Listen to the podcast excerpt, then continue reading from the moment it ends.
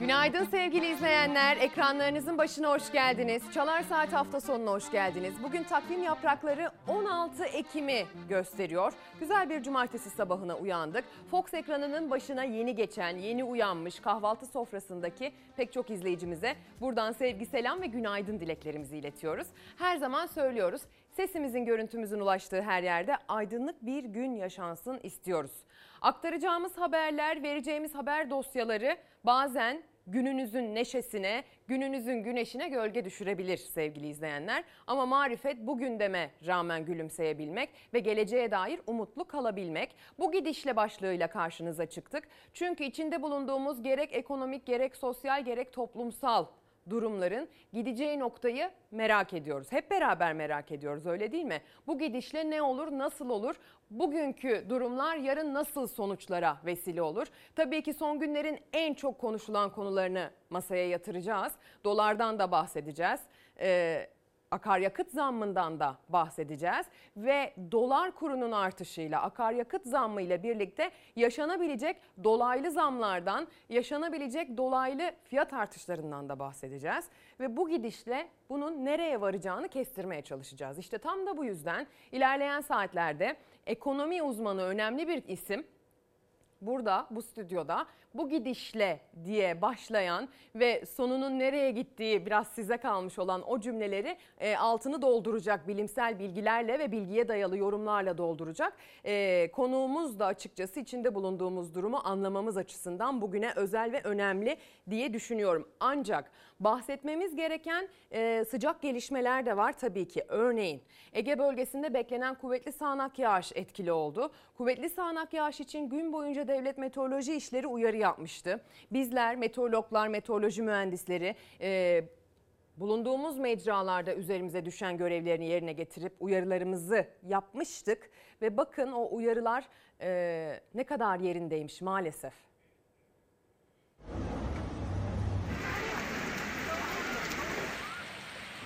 Meteoroloji şiddetli yağmur uyarısı yapmıştı. Yağmur uyarılan illerde sel oldu. Rögarlar taştı, tekneler alabora oldu. Fırtına ağaçları devirdi. Bir kişi ölümle burun buruna geldi. İzmir sel riskinin en yüksek olduğu iller arasındaydı. Gündüz saatlerinde fırtınayla birlikte etkili olmaya başladı yağmur. Öğleden sonra etkisini arttırdı.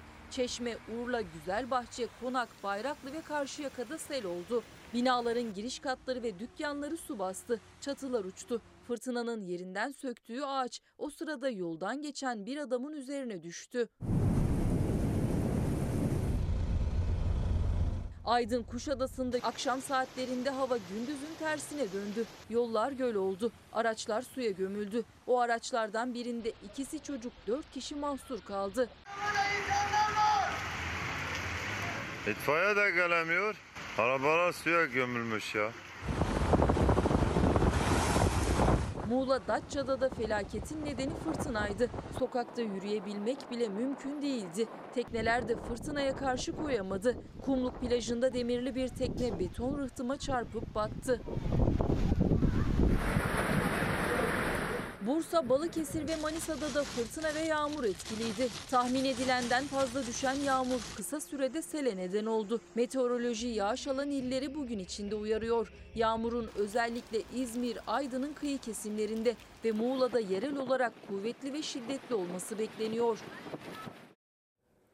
Tüm batı kesimlerde kuvvetli sağanak yağışın etkisi bugün de devam edecek. İlerleyen dakikalarda haritamızın başına geçeceğiz ve nerelerde yağışa dair uyarı yapılması gerekiyorsa il il bölge bölge sayacağız ama peşin peşin söyleyelim. Şu saat itibariyle Trakya'da en batıda Edirne, Tekirdağ, Kırklareli çevrelerinde Çanakkale, e, Balıkesir'in Ege Denizi'ne özellikle kıyısı olan kesimleri İzmir, Aydın, Manisa, Muğla diye e, bütün batı şeridi içine alacak şekilde kuvvetli kuvvetli sağanak yağış ihtimalinin devam ettiğini söyleyelim.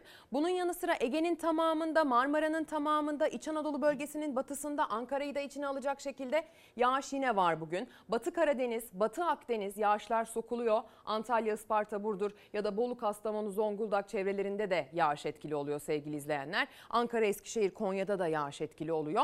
Yani yurdun batı yarısı diyebileceğimiz bir kesimde bugün yağış etkili olacak. En batıda kuvvetli sağanak yağış görülecek. Antalya, Isparta, Burdur çevrelerinde fırtına ile birlikte kuvvetli sağanak yağış görülecek. Bir de Hatay, Osmaniye çevrelerinde yağış ihtimali var. Adana civarında yağış ihtimali var. Bugün Ege'de e, sıcaklığın bugün keskin bir şekilde düşmesi bekleniyor. Geçtiğimiz hafta Marmara'da e, sıcaklıklar bir anda düştü. Sonra perşembe güneş görülünce bir anda yükseldi. Ancak bugünkü sıcaklık düşüşünden Marmara'da nasibini alacaktır. Güneş görülmedikçe zaten oldukça soğuk hissedilecektir bugün hava. Böyle giderse bu günlük hava durumları yıllık ortalamalara ve uzun yıllar ortalamalarına kötü yansımaya devam eder. Bu gidişle iklim krizinin etkilerini daha çok görürüz sevgili izleyenler. Bu gidişle dedik ya hani başlığa. Bu gidişle günlük hava durumunun e, günlük meteorolojik olayların, ekstrem hava olaylarının önemi yıllık bazda değerlendirilir ama günlüğün de önemi gitgide artıyor bildiğiniz gibi. Gelelim ekonomi meselesine. İlerleyen dakikalarda, ilerleyen bloklarda konuyu uzmanıyla konuşacağız ama doların geldiği seviyeyi merak ediyorsanız hemen söyleyelim. 9,2 hemen bir dakika. 9,26 diyebileceğimiz seviyede. 9,259 yani 260 deyin. 9,26 noktasına geldi. Ve akaryakıta da biliyorsunuz bir zam geldi sevgili izleyenler. Akaryakıtta özellikle mazot bu zamdan çok ciddi etkilendi. Ancak bir sonraki olası zamda benzin de artık e, çok ciddi etkileneceğe benziyor. Her gün zam geliyor. Türkiye'nin durumu da hiç iyi değil yani. ÖTV limitinden yararlanılıyordu. Şu anda işte pompaya yansımıyordu. Bundan sonra işte ÖTV diye bir şey kalmadı. Artık ne yapacağız? Daha az araç kullanacağız. Dün 9 lira 24 kuruşla rekor kıran dolar akaryakıta son zamanların en yüksek zammı akaryakıt istasyonlarına ise kuyruk olarak yansıdı. ÖTV'den karşılanabilecek bir pay kalmadığı için gece tabelalar değişti. Benzine gelen zam 37 kuruş 14 kuruşu yansıyor. Motorine gelen 41 kuruşluk zammınsa tamamı. Hiçbir şey alınmıyor ki. Her şeye, bütün kalemlere zam geliyor. Bu zamdan sonra işte %10, %20 her şeye yine zam gelecek. Zaten yüksekti akaryakıt fiyatları ancak benzindeki motorindeki bu yüksek zam nakliye gideri nedeniyle tüm ürünlere yansıyor. Özellikle de çiftçi zorlanacak. Çünkü son zamla mazotun fiyatı benzini geçti. Benzinin litresi 7 lira 90 kuruşa, motorinin fiyatı 7 lira 94 kuruşa çıktı. Yani artık motorin benzinden daha pahalıya satılacak. Akaryakıt firmaları çift haneli rakamlara hazırlanmak için tabelalarını değiştirmeye başlıyor. Tabelalarda yıl sonuna kadar bir 4 haneli rakamlara eşdeğer yeni bir uygulamaya geçilecek. Sizin tabelanız değişecek mi? Evet bizim de değişecek hem pompalarda hem de tabelalarda hane sayısı 2 iki, iki tane daha ekleyerek 4'e çıkıyor. Tabelalar en fazla 9 lira 99 kuruşa göre ayarlanmıştı. Olası zamlara hazırlık yapılıyor. Sürücülerse mevcut fiyatın altından bile zor kalkıyor. Motorine gelen 41 kuruşluk zammın tamamı pompaya yansıtılacak. Bu da 50 litrelik bir depoda 20 liralık artış demek. Tasarruf etmek isteyen sürücülerse zam devreye girmeden akaryakıt istasyonlarında yoğunluğa neden oldu. Gündüz başlayan o yoğunluk gecede devam etti. Zamdan önce son bir kez araç depolarını doldurmak isteyenler istasyonlarda uzun kuyruklar oluşturdu. O yoğun görüntülerden birini CHP Genel Başkan Yardımcısı Ahmet Akın paylaştı. İnsanların yaşam standartını etkiliyor zaten. Sırf mazot deyip geçmemek lazım. Her şey zam yiyor üstüne. Yine e, insanların aldığı asgari ücret yerinde kalıyor. Sadece araç kullanmak zorunda olanlar değil, benzin ve motorindeki artış enflasyona yansıdığı için tüm tüketiciler kara kara düşünüyor. Kaç şirket bizim gibi inşaat firması hepsi battı. Sadece bununla bitmiyor ki abi. Gıdayı mı diyeyim, mazotu mu diyeyim, aldığımız işi mi diyeyim. Bizler de memnun değiliz bu durumdan, bu artış durumundan. Bizi olumsuz etkiliyor, müşteriyi olumsuz etkiliyor, piyasayı olumsuz etkiliyor. Al. Kaç para almışız? 499 lira. Borç abi borç, kredi kartı borç. Nereye gidecek bu? Sevgili izleyenler, vatandaşın borcu boyunu aştı. Esnafın, çiftçinin, üreticinin, sanayicinin, e, özellikle küçük esnaf, küçük çaptaki üretici, küçük çaptaki ticari tüccarlar bu durumdan çok çok etkileniyorlar biliyorsunuz ki. Orta direk yıkıldı. Fakir daha fakir, zengin her zamanki gibi kriz ortamlarından yine daha zengin olarak çıkmaya devam ediyor. Biliyorsunuz bir faiz bilmecesi var. Ee, Cumhurbaşkanı Erdoğan'ın bu anlamda bir e, 2013 yılından beri diyebileceğimiz güttüğü bir ekonomi politikası var. Bu ne kadar işe yarıyor, ne kadar işe yaramıyor?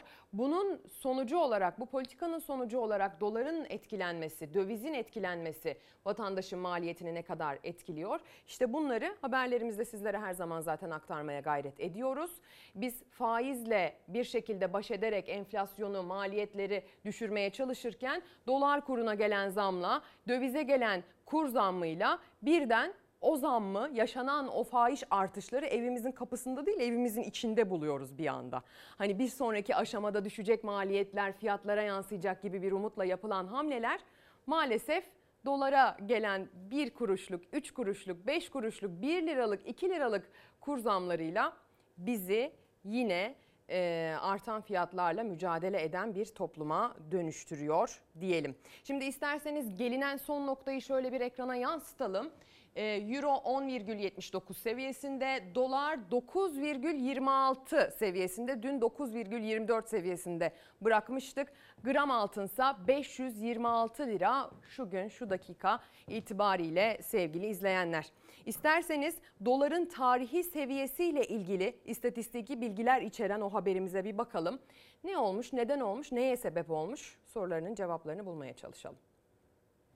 Eylül başında dolar kuru 8 lira 30 kuruştu. Şimdi 9 lira 23 kuruşu aştı. Bol bol döviz alıp 6 liradan 7 liradan. Niye?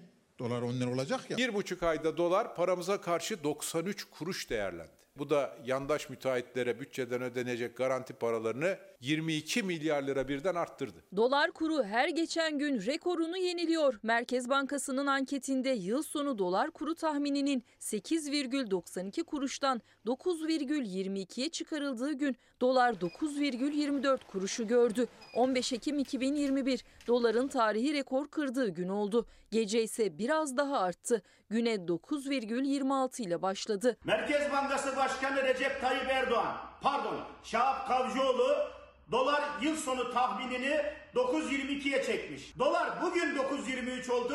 Bir an önce çekin gidin. Milletin parasıyla oynadığınız merkez bankacılık simülasyon oyununda Türk lirası dolara karşı Mart'tan bu yana %26 eridi. Kamu döviz cinsi borcunun değeri 435 milyar Türk lirası arttı. Aile başına döviz borcumuz 19 bin Türk lirası arttı. Kamu özel işbirliği yükümlülük artışı 300 milyar Türk lirası. O da aile başına 13 bin Türk lirası. 7 Mart 2015'te dolar alan yaya kalır dediğinde dolar kuru 2 lira 58 kuruştu. O gün 100 lirayla 39 dolar alıyorduk. Bugün ise 100 lirayla ancak 11 dolar alıyoruz. Döviz kurundaki tırmanış Türk lirasının değer kaybı. Vatandaşın cebindeki para erirken Türkiye'nin dış borcu da katlanıyor. Garanti ödemeler için hazinenin kasasından çıkacak para da. Para tıpkı bayrak gibi, tıpkı milli marş gibi bir ülkenin gücünü, itibarını, bağımsızlığını simgeler. Erdoğan'ın ta kendisi. Para tıpkı bayrak gibi, tıpkı milli marş gibi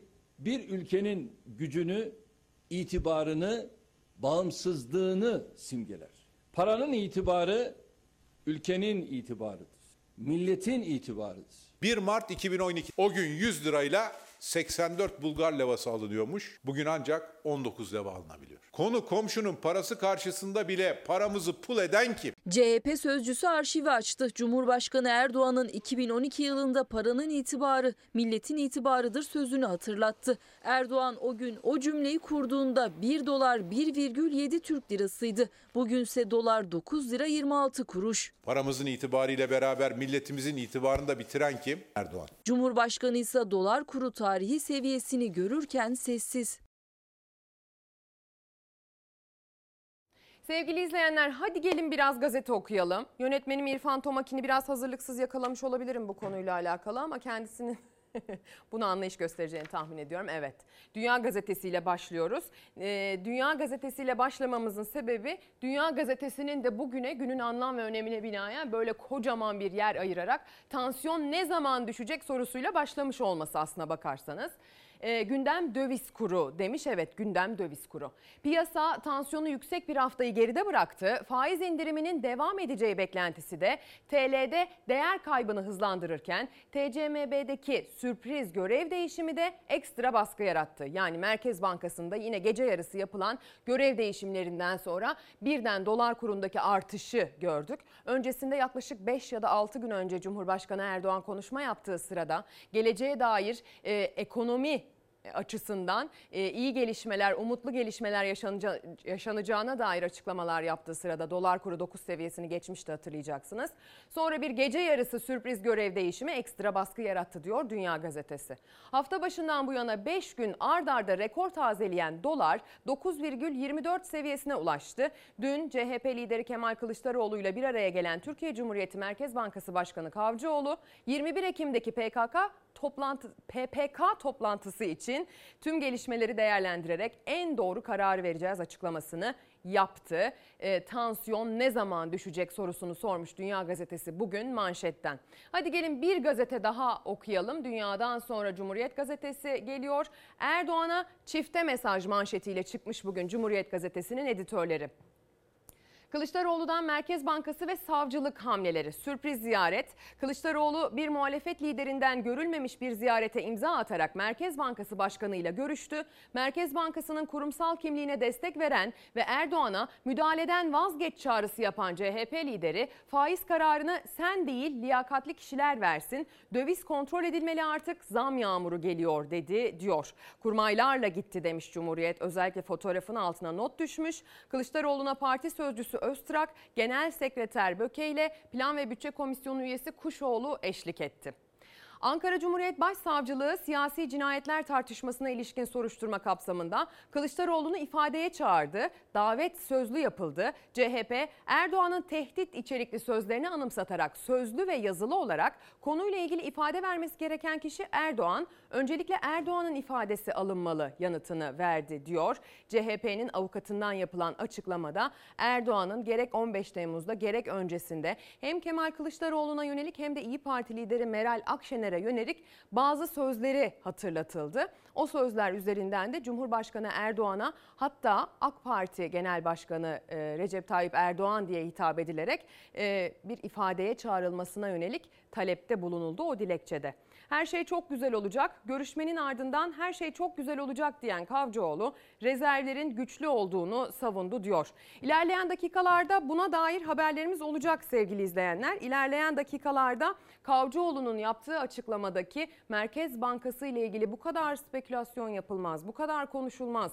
Bu doğru bir strateji değildir sözleri de burada kendine yer bulacak. Ama önemli bir gündem maddemiz daha var. Ekonomi konusunu genişçe masaya yatıracağımız için isterseniz önce koronavirüste geldiğimiz son noktaya da bir bakalım.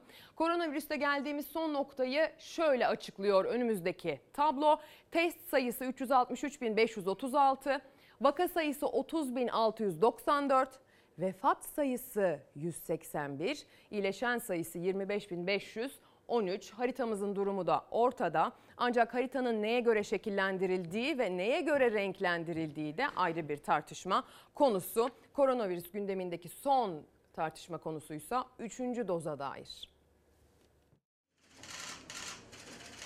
Nüfusun önemli bir bölümünün henüz daha aşısız olduğunu söyleyebiliriz. Her gün aşıyla korunabilen, bağışık hale gelmiş insan sayısı bir önceki günden daha azalıyor. 30.694 yeni vaka, 181 can kaybı.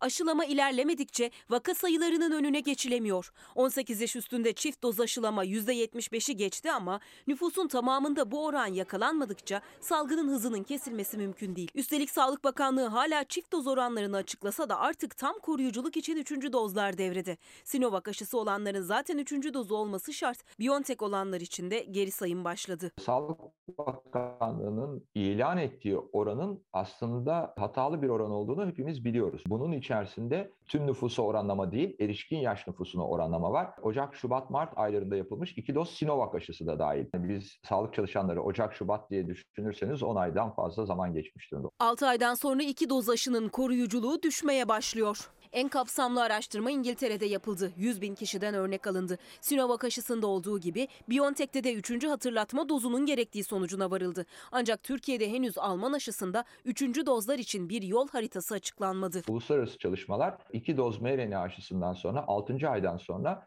koruma oranlarının düşmeye başladı ve hastalığa yakalanabileceklerini gösteriyor. Daha önce daha yüksek sayıda aşılama yapıp şimdi aşılama sayımız düştüğü için aşılanmayla elde ettiği bağışıklığı kaybeden insan sayısı her gün yeni aşılanan insan sayısından daha fazla. Her gün on binlerce kişinin bağışıklığı azalıyor. Aşı olanların sayısı ise çok daha düşük. 24 saatte 81 ilde sadece 54 bin kişi aşıyla tanışabildi. Aşı olmayanlarsa hastalığa yakalanınca pişmanlığını yaşıyor. 3,5 yaşındaki oğlum da e, Covid olduğunu öğrendik. Ve benim e, üzüntüm, pişmanlığım daha da arttı tabii oğlumdan sonra. E, aşıyı olmadığım için kendime çok kızdım. İzmir'de yaşayan 29 yaşındaki sağlık çalışanı Ayhan Karasaçlılar aşı olmamıştı. Koronavirüse yakalandı. Çok ağır geçirdi. Virüsü küçük oğluna da bulaştırdı. Çift doz aşısını olan eşi ise aynı evde olmalarına rağmen hastalığa yakalanmadı. Eşim e, iki doz Biontech aşısını olmuştu çünkü. Ben onu da dinlemedim. Çalıştığım hastanedeki doktorları da dinlemedim açıkçası. Aşının gerçekten koruyucu etkisini e, olduğunu öğrendim.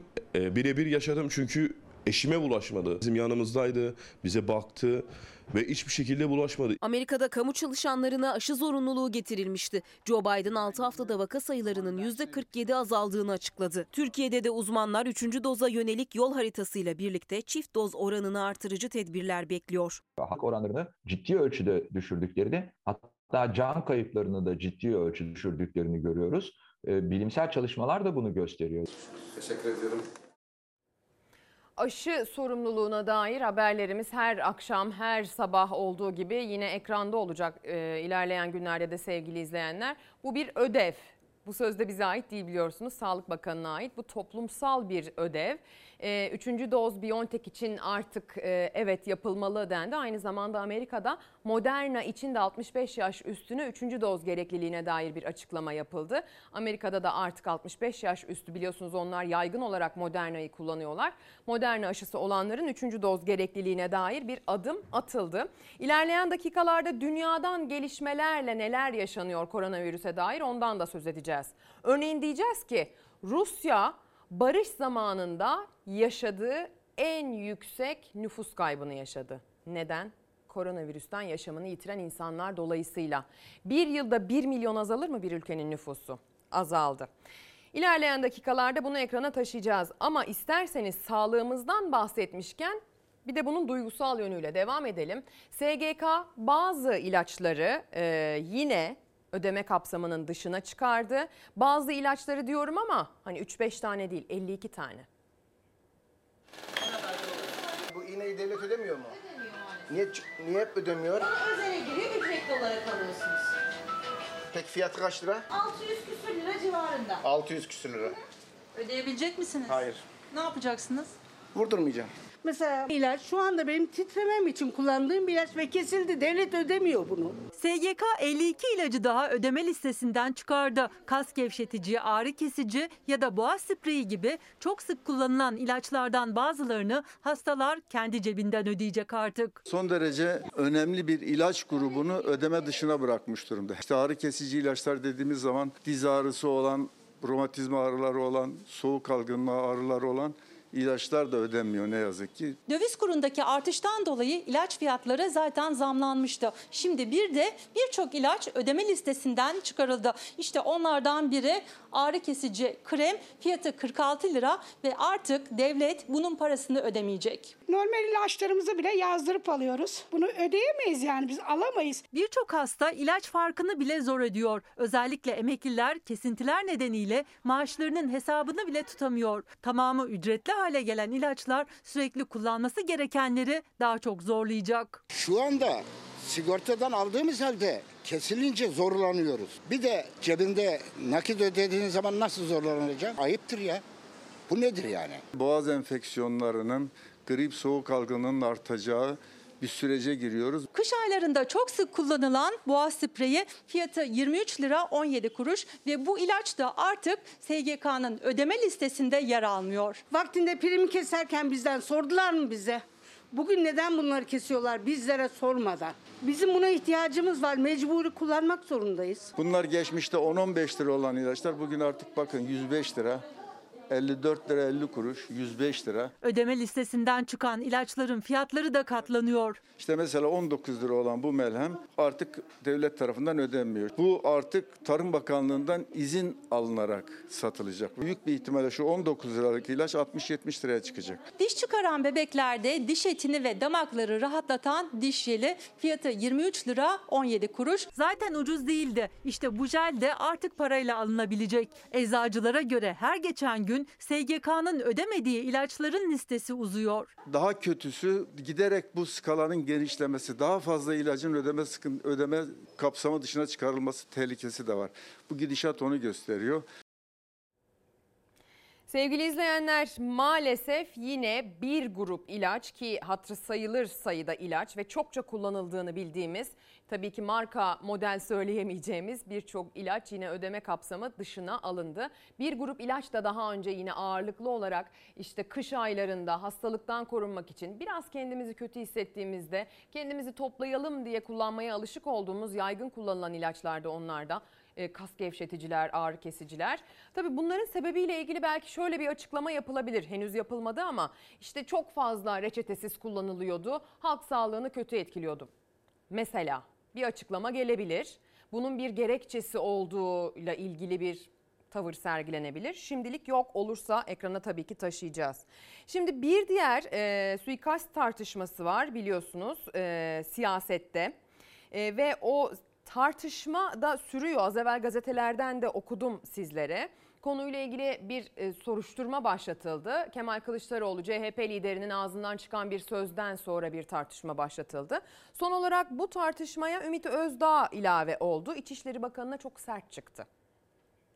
Bu kim olursa olsun siyasi cinayetin işlenmesine bizler iktidar olarak fırsat vermeyiz. İftira atanlara da meydanı boş bırakmayız. Ülkenin yönetimine talip olduklarını söylemekten vazgeçmelerinin kendileri için daha iyi olacağını da hatırlatmak istiyorum. Devleti yöneten bir kişi açıkça siyasi partileri ülkeyi yönetmekten vazgeçin. Vazgeçmezseniz başınıza bir sürü bela gelebilir. Daha neler olacak diye. Bu zat eğer bu konularda samimi ise, dürüstse bu işin merci yargıdır. Yargıya müracaat edersin. Kılıçdaroğlu'nun Erdoğan iktidardan gitmemek için her şeyi yapar. Siyasi cinayetlerden kaygılıyım sözleriyle ilgili ilk kez konuştu Cumhurbaşkanı Erdoğan. Yargıyı işaret ederken CHP liderini de yalancılıkla suçladı. Delillerini yargıya sunarsın. Siyasi cinayetlerle ilgili böyle bir şey varsa yargı da bunların üzerine üzerine gider. Ama bu zat akşam yalan, sabah yalan. Ülkeyi yönetme amacından vazgeçin diyor. Sizin lehinize olur diyor. Bu. bu soruların cevabını verdi mi acaba Sayın Erdoğan? Bu tür duyumlar, bilgiler elbette gelir. Yanına da şimdi birilerini daha toplamış. Onlar da aynı şekilde yalan terörü estiriyorlar. Acaba biz iktidarı nasıl zaafa düşürürüz? Bunun gayreti içerisindeler. Bizler de yargıya sorgulanmasını istedik. Kimse çıksın ortaya dedik. Ankara Cumhuriyet Başsavcılığı siyasi cinayet iddialarıyla ilgili resen soruşturma başlatıldığını açıklamıştı. Erdoğan soruşturma başlatılmasını biz istedik dedi. Başsavcılık Kılıçdaroğlu'nun bilgisine başvurmak istedi. Kılıçdaroğlu'nun avukatı Celal Çelik ise yaptığı başvuruda konunun aydınlatılması için baskı ve tehdit içerikli söylemler iddiasıyla öncelikle Cumhurbaşkanı Erdoğan'ın ifadesine başvurulmasını talep etti. Bana yönelik IŞİD tarafından planlanan eylem konusunu açıklamış olduğum halde dün neden yalanlamadınız? Bana bir suikast girişimi olursa Sayın Süleyman Soylu failinden sonra ikinci sorumlusu olur. Ümit Özdağ'ın suikast iddiasına karşı İçişleri Bakanı'ndan da bakanlıktan da açıklama yok. Ama Soylu da yardımcısı İsmail Çataklı da Özdağ'ın silah ruhsatı ve koruma açıklamalarına ses verdi. Milletvekili olduğum halde uyduruk bir gerekçe göstererek silah vermeyi reddettiler. Hemen telefon açtım. Sisteme girdiler. Dört tane taşıma ruhsatlı silahı var şu anda dediler. Bu sabah Emniyet Müdürü Dinçer Dinç Bey koruma polisimi arayarak Sayın Bakan'a bu dört silahın Ümit Bey üzerinde sürekli bulunduğunu zannederek yanlış bilgi vermişim kusura bakmayın dedi. Korumam yok diyor dedim. Koruması da var dediler. Sayın Soylu ben korumam yok demedim. İki aydan bu yana neden bütün parti genel başkanlarına tahsis edilen ekip korumasını vermemekte Ümit Özdağ'a direniyorsunuz. Ümit Özdağ İçişleri Bakanı'nın kamuoyuna yanlış bilgi verdiğini söyledi. Kendisine doktor tavsiye eden Bakan Yardımcısı İsmail Çataklı'ya da sertti. Ümit Özdağ en iyi ihtimalle unutkanlık sorunu yaşıyor olabilir. Kendisine tavsiyemiz acilen doktoruna başvurmasıdır. Devlet sırrının arkasına sığınıp Zafer Partisi Genel Başkanı'na hakaret edemez. Dün itibariyle CHP'den gelen dilekçede avukat aracılığıyla yapılan açıklamada bu defa kaçmaya bile fırsat bulamazsın sözleri hatırlatıldı Cumhurbaşkanı Erdoğan'ın. Ee, yine İyi Parti lideri Meral Akşener'e yönelik daha neler olacak neler sözleri hatırlatıldı. Ve haberde de bahsedildiği gibi e, bu iddiadan vazgeçersen iyi edersin e, gibisinden sözler hatırlatıldı. Bunlar tabii ki çokça tartışılacak sevgili izleyenler.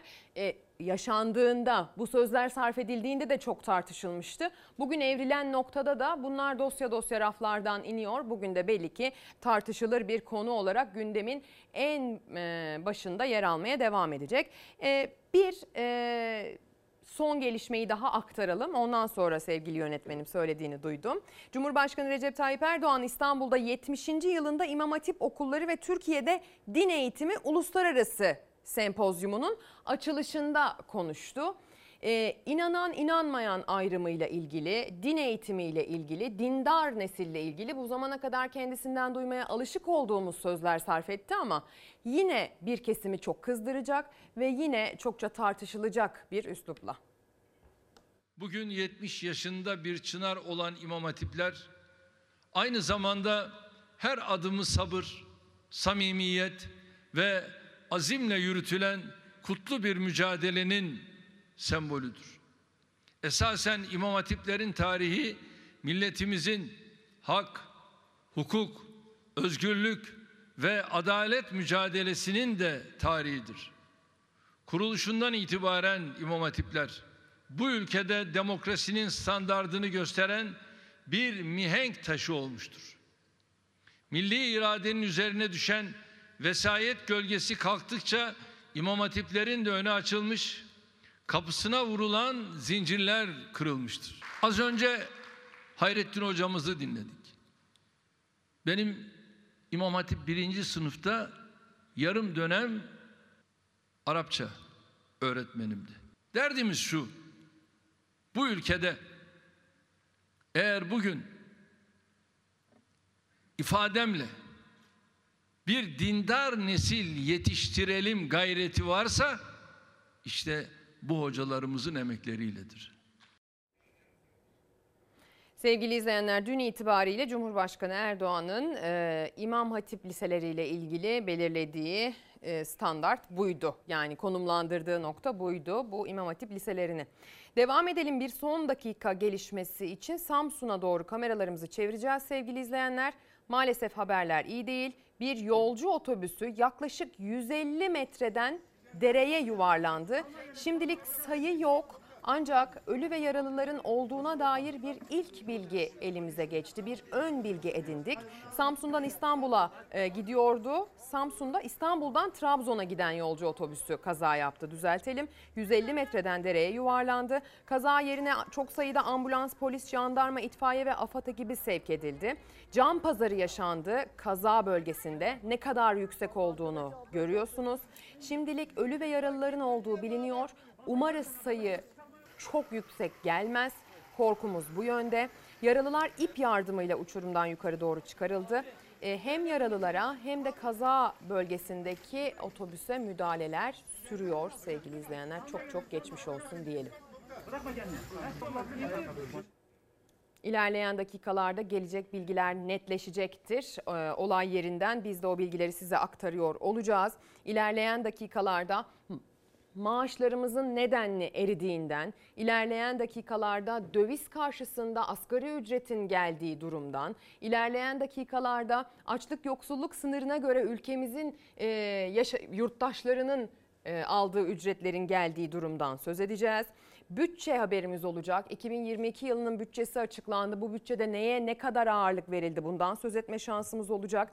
Büyüme ile ilgili Teknoloji Bakanı e, Varank bir açıklama yaptı. Ondan da söz edeceğiz.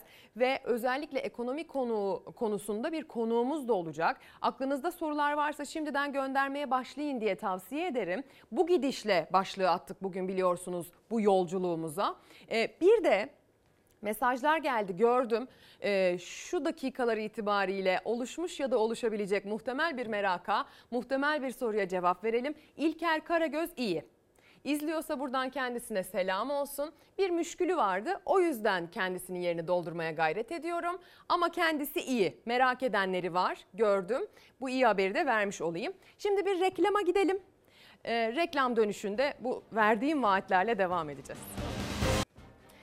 Günaydın sevgili izleyenler. Bir kez daha ekran başına hoş geldiniz. Çalar Saate Fox ekranlarına hoş geldiniz. 16 Ekim sabahından günaydın dileklerimizi sesimizin görüntümüzün ulaştığı her yere gönderiyoruz. Gündemimiz ekonomi, gündemimiz dolar, gündemimiz akaryakıta gelen zam, vatandaşın sokakta... E, mikrofon yönelttiğimiz vatandaşın ekonomiye dair söyledikleri ve ilerleyen dakikalarda bir uzmanımız olacak stüdyomuzda hemen birkaç dakika sonra kendisine vatandaşın ekonomisini, ülkenin durumunu, ekonomik gidişatını soracağız ve bu gidişle ne olur diye sorduk yani bu sabah. Bu gidişle sorusuna cevap aramaya gayret edeceğiz hep birlikte uzmanıyla. Gazete manşetlerinden birkaç tane okuduk. Yine gazete manşetleriyle devam edelim ee, sevgili yönetmenim. Evrensel Gazetesi'nin manşetinde bugün bugün faize silaha para vatandaşa vergi demiş editörler. 2022 yılı bütçe rakamları açıklandı. Vergi gelirinde yüksek artış öngörüldü. Halktan toplanacak bu vergiler faize ve silaha akacak. 2022'de faize ve savunma sanayine ayrılan pay %30 arttırılacak diyor Evrensel Gazetesi. 2022 bütçesini bugün manşetten görmüş. Hadi gelin o bütçede neler var şöyle bir göz atalım. Değerli milletvekilleri. Cumhurbaşkanı Recep Tayyip Erdoğan'ın imzasını taşıyan 2022 yılı Merkezi Yönetim Bütçe Kanun Teklifi ve gerekçesi Meclis Başkanlığına sunuldu. Kanun teklifinin hedefleri arasında salgın sonrası toparlanma döneminde büyüme potansiyelini artırma, nitelikli istihdam, enflasyon ve cari açık yaratmama, yurt içi tasarruf, yeşil dönüşümü dikkate almak ve gelir adaletini sağlamak gibi hedefler var. Kanun teklifine göre bazı hizmet ve amaçları gerçekleştirmek veya bütçede öngörülmeyen hizmetler için gerektiğinde aktarma yapılmak üzere yedek ödenekler konulacak. Bu ödeneklerden aktarma yapma yetkisi Cumhurbaşkanı'nda olacak. Cumhurbaşkanı Yardımcısı Fuat Oktay dün yaptığı açıklamada 2022 bütçe giderlerinin 1 trilyon 750 milyar 957 milyon, bütçe gelirlerinin ise 1 trilyon 472 milyar 583 milyon lira öngörüldüğünü söylemişti. Bütçe açığı da 278 milyar 374 milyon lira olarak öngörülüyor. Bütçe planlamasında eğitim, savunma sanayi ve faiz için ayrılan pay artırıldı. Kanun teklifi Meclis Başkanlığı tarafından Plan ve Bütçe Komisyonu'na havale edildi. Sevgili izleyenler ilerleyen saatlerde, ilerleyen günlerde bu bütçeye dair detaylar da netleşecek. Bu konular, konu başlıkları da ayrı ayrı tartışmaya açılacak, masaya yatırılacak.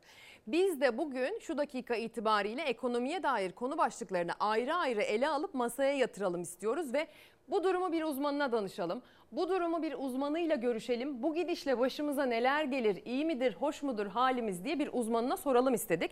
Doktor Tuğberk Çitilci yayın konuğumuz. Kendisi ekonomist, akademisyen.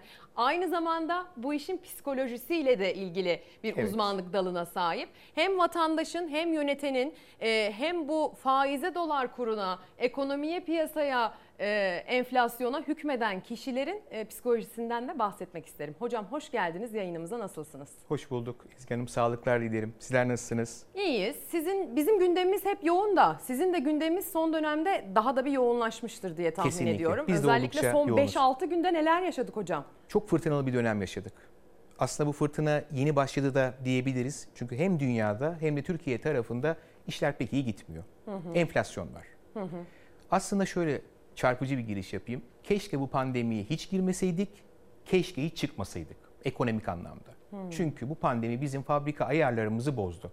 Dünyada üretim durdu. Fabrikalar kapandı, insanlar eve kapandı. Ondan sonra aşıyla beraber pandemiden yavaş yavaş çıkış başladığı zaman da üretim olmadığından dolayı talep arttı. fiyatlar yukarı gitti.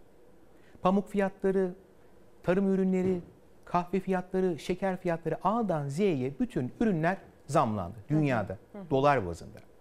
Ve biz de üretim modelimizden kaynaklı olarak dünyadan enflasyon ithal ediyoruz.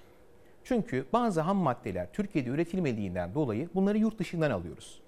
Hem yurt dışında dolar olarak bunların fiyatları arttı, bir de ülke içine girdiği zaman da ilave maliyetler oldu.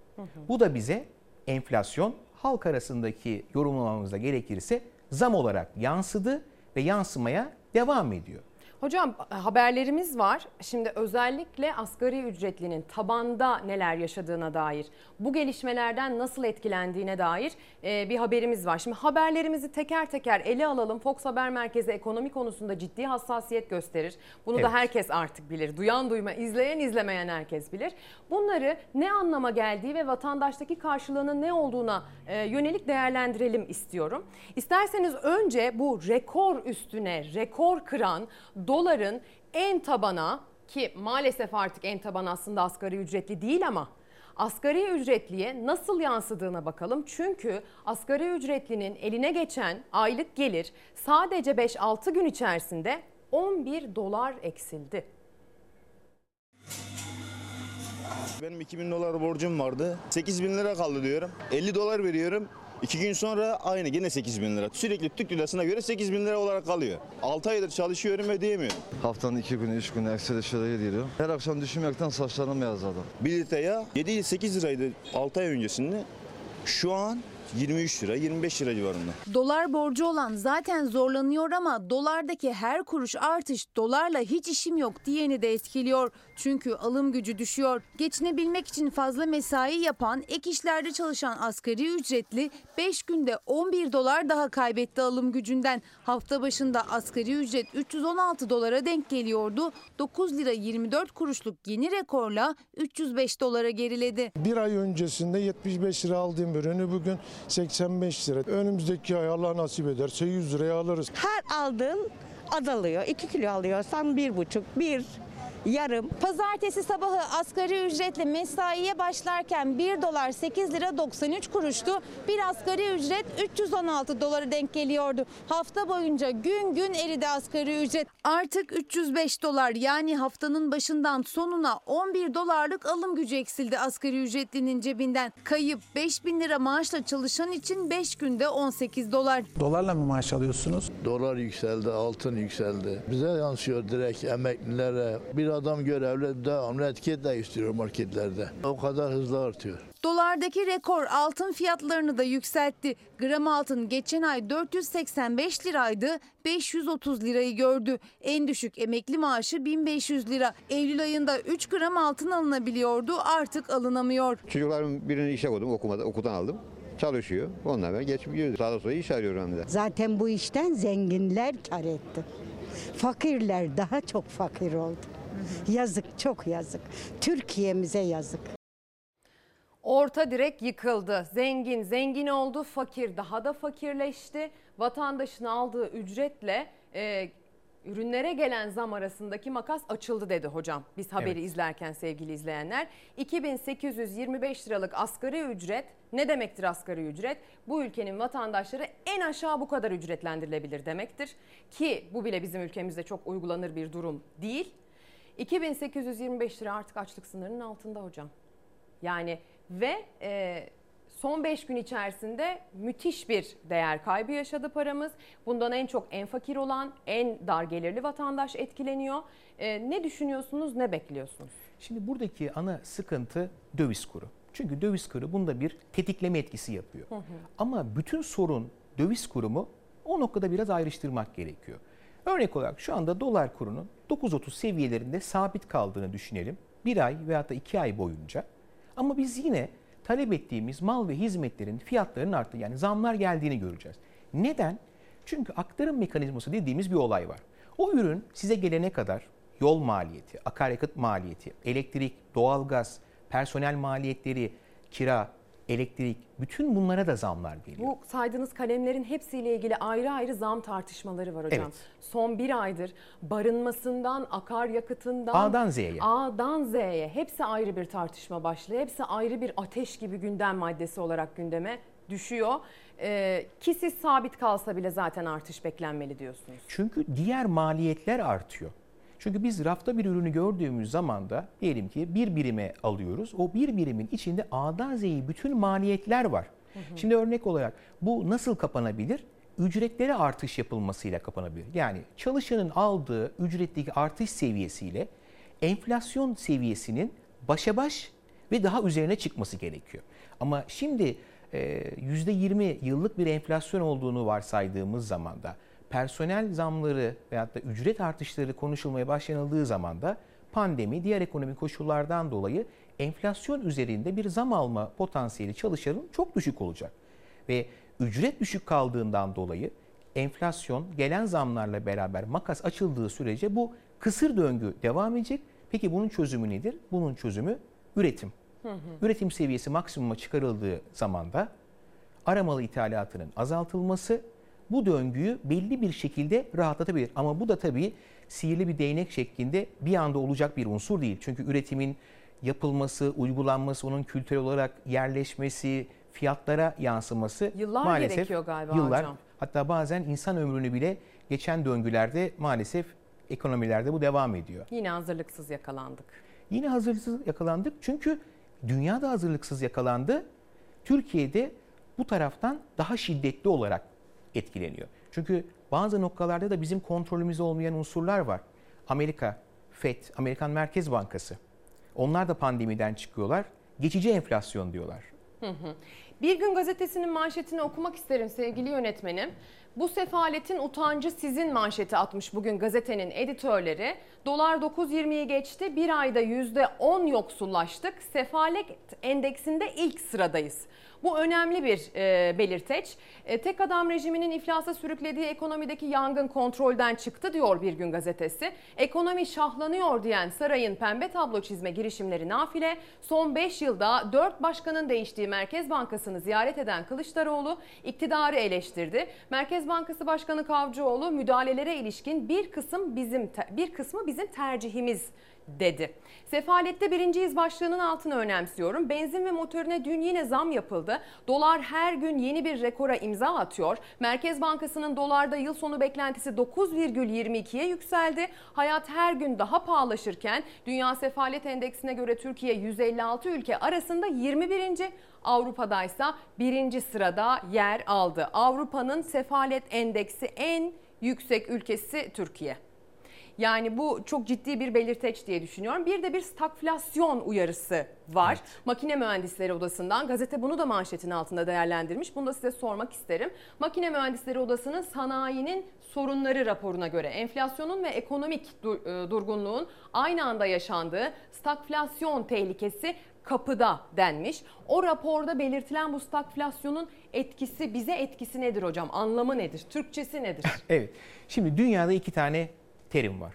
Enflasyon ve stagflasyon. Biz bunu medya tarafında çok fazla duyuyor olacağız ve 2022 yılının da ana teması bu olacak. Stagflasyonu ezberleyeceğiz sevgili izleyenler. Stagflasyonu ezberleyeceğiz. Her ne kadar bize yabancı bir kelime olsa bile günlük hayatımızda e, bunun gerçek boyutlarını görüyor olacağız. Hı hı. Enflasyonu biliyoruz. Fiyat artışları, fiyat genel seviyesinin artışı. Halk dilindeki tabiriyle zamların gelmesi. Stagflasyon enflasyondan daha da kötü bir unsur kötünün iyisi arasındaki tercihte enflasyon daha iyi, stagflasyon daha iyi. Peki stagflasyon ne? Fiyatlar artıyor, ürünlere zam geliyor. 1 liraya aldığınız ürün 1,5 oldu, 2 lira oldu, fiyatlar artıyor. Ama sizin geliriniz, alım gücünüz yeterli olmadığı için fiyatı artan ürünü talep edemiyorsunuz, alamıyorsunuz. Siz ürünü talep etmediğiniz zaman da ne oluyor? Durgunluk. Yani stagflasyon kelime olarak böyle belki fonetik hoş geliyor ama gerçek anlamı durgunluk. Zamlar gelirken ürünlerin satılamaması. Yani durgunluk. aslında içinde bulunduğumuz durumun ekonomik e, kötüleşmenin derinleşmesine yol açacak. Derinleşmesi anlamına geliyor. Ve şu anda hem enflasyon hem stagflasyon ikisi aynı anda geldi. Çünkü dünya da şu anda bununla boğuşuyor. Onların nedeni de bir enerji krizi var. Petrol evet. fiyatları Şu anda 85 dolar seviyelerinde dengelendi. 100 dolar olur mu olmaz mı? Kara kış geliyor deniyor hocam. Ve koca koca ülkeler Paris İklim Anlaşması'na rağmen artık kömüre dönmeye başladılar. Yönetmenim rica etsem fosil yakıt tekerleriyle ilgili bir manşeti daha vardı Bir Gün Gazetesi'nin.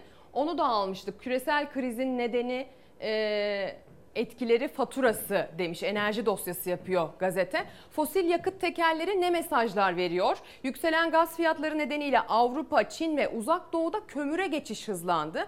Bu durumun küresel karbon emisyonlarındaki artışı hızlandırabileceği öngörülüyor. Glasgow'daki iklim zirvesi öncesi ki en son Paris İklim Anlaşması'nı imzaladığımızda bu iklim zirvesine bizim de katılma şansımız oldu. Evet. Paris İklim Anlaşması'na taraf olduğumuz için artık bize de bir para akışı gelecek ama koca koca ülkelerin kömüre döndüğü e, görülüyor bu durumda. İklim zirvesi öncesi fosil yakıt kullanımında yaşanan artış iklim kriziyle mücadele için atılan adımları gölgeliyor. Doktor Nejat Tamzok kömürde böyle bir fiyat hareketi daha önce hiç görülmedi derken fosil yakıt tekerleri ne mesaj veriyor sorusunu yanıtladı diyor.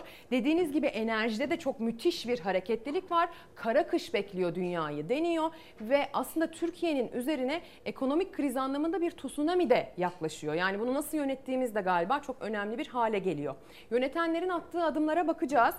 Dün itibariyle çok ciddi, sizinle de reklam arasında da konuşma fırsatımız oldu. Evet. E, muhalefet lideri Merkez Bankası'na bir ziyaret gerçekleştirdi. Alışık olmadığımız bir Çok ziyaretti. alışık olduğumuzun dışında bir durum gerçekten. Doğru söylüyorsunuz. O ziyaretin detaylarını izleyelim. Hocamız hocamıza soralım.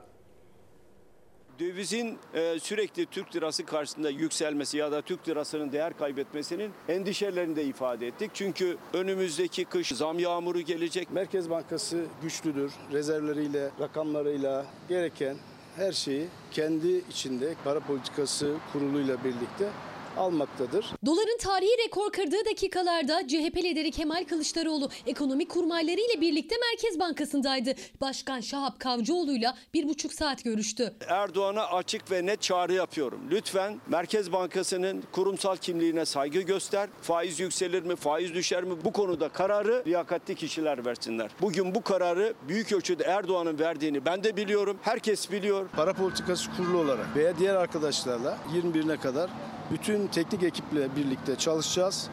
Bütün verileri, gelişmeleri içeride dışarıda analiz ederek 21'inde bir karar vereceğiz. Erdoğan ve Merkez Bankası Başkanı el ele verdi, halkımızı fakirleştiriyorlar. Bu açıkça millete zulümdür. Şunu da söyleyeyim, Merkez Bankası Başkanı'nın bu ihanette sorumluluğu gitgide artıyor. Unutmayacağım bunu. CHP lideri Kemal Kılıçdaroğlu bir gün önce sosyal medya hesabından Cumhurbaşkanı ile birlikte Merkez Bankası Başkanı'nı da hedef almış ihanette sorumluluğum var demişti. Bir gün sonrasında Merkez Bankası Başkanı ile görüşeceğini de sosyal medyadan duyurdu. Sosyal medya hesabından Cumhurbaşkanı Erdoğan'a akaryakıt zammı ve dolardaki rekor yükselişi hatırlatarak çektiği res sonrası sürpriz bir ziyaret gerçekleştiriyor CHP lideri. Kılıçdaroğlu ilk kez Merkez Bankası'nda Başkan Şahap Kavcıoğlu ile görüşecek. Dövizin kontrol edilememesi bizim açımızdan da sokaktaki vatandaş açısından da sanayici açısından da bir sorun olarak önümüzde duruyor. Son 45 günde Türk lirası %10 değer kaybetti. Döviz kuru biliyorsun dünyada da şu an gelişmelerde doların diğer paralar karşısındaki gelişimi hepsi önemli. Çalışmalarımızı sürdürüyoruz. Yaşanan süreçteki sorumluluk Yaşanan süreçte sorun tabii ki Türkiye Cumhuriyet Merkez Bankası olarak bizim üzerimize bir sorumluluk düşüyorsa onun sorumlusu ve sorumluluğunu yerine getiririz, getiriyoruz da. Kılıçdaroğlu Kavcıoğlu görüşmesinde döviz kurundaki yükselme ilk başlıktı. Kur Cumhurbaşkanı'nın Merkez Bankası Başkan Yardımcıları ve Para Politikası Kurulu üyesini kararname ile görevden almasıyla rekor seviyeye çıktı. Merkez Bankası'nın yetkilerinin kararnamelerle alınıp başka bir kuruma verilmesinin de doğru olmadığını ifade ettik. Görevden almalar konusunda talep sizden mi geldi Sayın Cumhurbaşkanı'na? Bizim banka tabii tabii tüm kurumlarda olabilen bir şeyler. Bir kısmı arkadaşların kendi tercihi, bir kısmı bizim tercihimiz. Bu arkadaşlar faiz indirildiği dönemde de bu bankada görev yaptılar. Faiz artırıldığı dönemde de bu bankada görev yaptılar. Merkez Bankası bürokratlarının faiz indirimine karşı oldukları için görevden alındıkları iddiasına karşı çıktı Başkan Kavcıoğlu. Muhalefetin rezerv konusundaki eleştirilerine de yanıt verdi. Türkiye'nin şu an bugün itibariyle rezervlerimiz 125 milyar dolardır. 35 milyar dolara yakın bir rezerv artışımız oldu. Swapları çıkıyorlar, kamu parasını çıkıyor. Yani eksiye düşürmek için her şeyi çıkıyorlar. Kılıçdaroğlu'na ve milletvekili arkadaşlarımıza da izah ettik. Onlar da makul karşıladılar. Bir muhalefet partisi liderinin, ana muhalefet liderinin Merkez Bankası'nı bu kadar kritik bir dönemde ziyareti ne anlama geliyor hocam? Piyasalar açısından oldukça ilginç bir haber akışıydı. Çünkü ilk haber piyasaya düştüğü zaman da açıkçası ben şaşırdım. Haberin doğruluğunu teyit ettim ama evet haber doğruydu. Zamanlama anlamında neden önemli? Çünkü gelecek hafta 21 Ekim'de Merkez Bankası'nın faiz kararı var. Ve Merkez Bankası çekirdek enflasyonu dikkate alarak para politikasında faiz indirimine başladı. 100 bas puanlık yani politika hı hı. faizinde 100 bas puanlık bir indirimle 18'e geldik. Bu toplantıda da kuvvetle muhtemel bir 50 bas puanlık hatta 100 bas puana kadar çıkabilecek bir faiz indirimi gelebilir. Bu faiz indirimi ne anlama geliyor? Paranın en sevmediği unsur getirisizliktir. Bu getiri de faiz veya da farklı bir şekilde yorumlayalım. Paranın kira bedelidir. Bu ne kadar yüksek olursa getiri o kadar fazla, ne kadar düşük olursa getiri o kadar az olur. Dolayısıyla Merkez Bankası bu faizi indirdiği zaman da Türk lirasının koruma kalkanı aşağı iniyor. Çünkü Türk lirasını faizle korumanız gerekiyor. Ve faiz aşağı geldiği zaman da Türk lirasında dolara karşı değersizleşme oluyor. İşte 9, 9.15, Cuma günü kapanışta 9.27 yani rakamı yuvarladığımız zaman da 9.30 seviyesi. Evet. Ki, Cumhurbaşkanı'nın da bir hani faizle ilgili bu bahsettiğiniz politika aslında Cumhurbaşkanı Erdoğan'ın çok uzun yıllardır savunduğu bir politika. Hani faizi düşürelim, e, maliyet kalemleri düşsün, enflasyon düşsün, ucuzlama yaşansın gibi bir yoldan gidiliyor anladığım kadarıyla ama neden hep sonuç böyle oluyor? Çünkü kontrolünüz olmayan bazı unsurlar var. Ki bu da yurt dışındaki dolar teması, onların para politikaları. Ama olması gereken en optimal çözüm faiz de düşük olsun, döviz kuru da düşük olsun. E nasıl adını koyalım? Ne çok değersiz bir TL, ne çok değerli bir TL, tam olması gereken bir değerde TL olması gerekiyor. Ticareti engellemeyecek, insanların alım gücünü düşürmeyecek, ekonominin bunu sürdürebilecek bir seviyede TL olması gerekiyor. Ama aynı anda ekonomide bir matematiksel formül gibi bütün girdileri kontrol edeyim ve bu sonuca ulaşayım dediğiniz zaman da maalesef bunun mümkünatı yok. Bunu yurt dışı da yapamıyor. Yurt içinde de aynı şekilde zorlanıyoruz. Bu bizde yapıldığı zaman hemen kurda bir artış yaşanıyor. Aynen. Biz bir ucuzlama ümidi taşırken bir anda bir bakıyoruz pahalılık kapıyı kırıp evin içine girmiş. Kesinlikle çünkü neden? Geçmiş dönem finansal travmalarımızdan kaynaklı o DNA kodlarımıza işlenmiş bir unsur var. Türkiye ekonomisinin barometresi döviz kuruyla ölçülür. Türk lirası değer kazanıyorsa ekonomi iyi, Türk lirası değer kaybediyorsa ekonomi kötü. Sokağın barometresi bu şekilde. Bunun ikinci kalemi de gram altın. Çünkü e, biraz daha orta yaşlı kuşak diyelim referansını hep döviz kuru ve gram altın üzerinden yaptığından dolayı diğer ekonomik girdilere, faktörlere, neticelere bakmaz. Döviz kuru ve gram altın. Çünkü alım gücünü ona göre hesap ettiğinden dolayı bir referans alıyor. Bunun referans almasının nedeni de parasının değer kaybını korumak anlamında yapıyor. Merkez Bankası faiz indiriyor. Bu döviz kuruna yukarı yönlü harekete neden oluyor ve Merkez Bankası'nın Kasım hani diyelim ki Ekim toplantısı geçildi. 50 bas puan, 100 bas puan faiz indirimi oldu veya da faiz indirimi yapılmadı. Olay tamamen bitecek mi? Maalesef bitmeyecek. Kasım Aralık toplantıları olacak. Acaba Kasım Aralık toplantılarında da bu faiz indirimleri devam edecek mi, etmeyecek mi? Kuvvetle muhtemel bu devam edecek. Çünkü sadece 100 bas puanlık bir faiz indirimi ekonomi tarafına yansıması olmadı. Mevduat faizinde 1 puanlık gerileme oldu. Tamam ama normal vatandaş için önemli olan unsur kredi maliyetleri aşağı çekilecek Hı. mi? Çünkü vatandaş aldığı krediye artık ödeyemediği için takla attırıyor. Bir öyle yani böyle evet. bu vatandaş diliyle tarif ediyorum. Geçen gün bir röportajda böyleydi. Diyor ki çiftçi, üretici Aldım diyor kredi çektim şu kadar. 150 hayvanı varmış satmış 7 tane hayvanı kalmış. Traktörünü tarlasını satmış hala borcunu bitirememiş.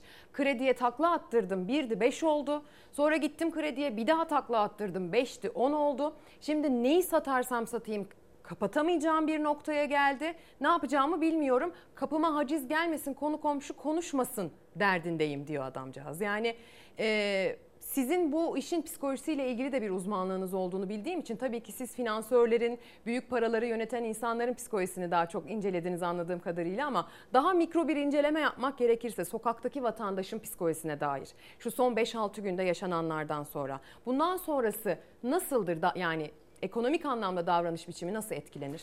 Şimdi kredi maliyetleri neden düşmüyor? Çünkü krediyi siz uzun dönemli olarak çekiyorsunuz. 12 ay, 24 ay, 36 ay. Yani ne kadar dilimlerde ayarlama yapılsa bile ve ileriye dönük belirsizlik olduğundan dolayı banka bu krediyi size borç verdiği zaman da risk faktörlerini etkiliyor.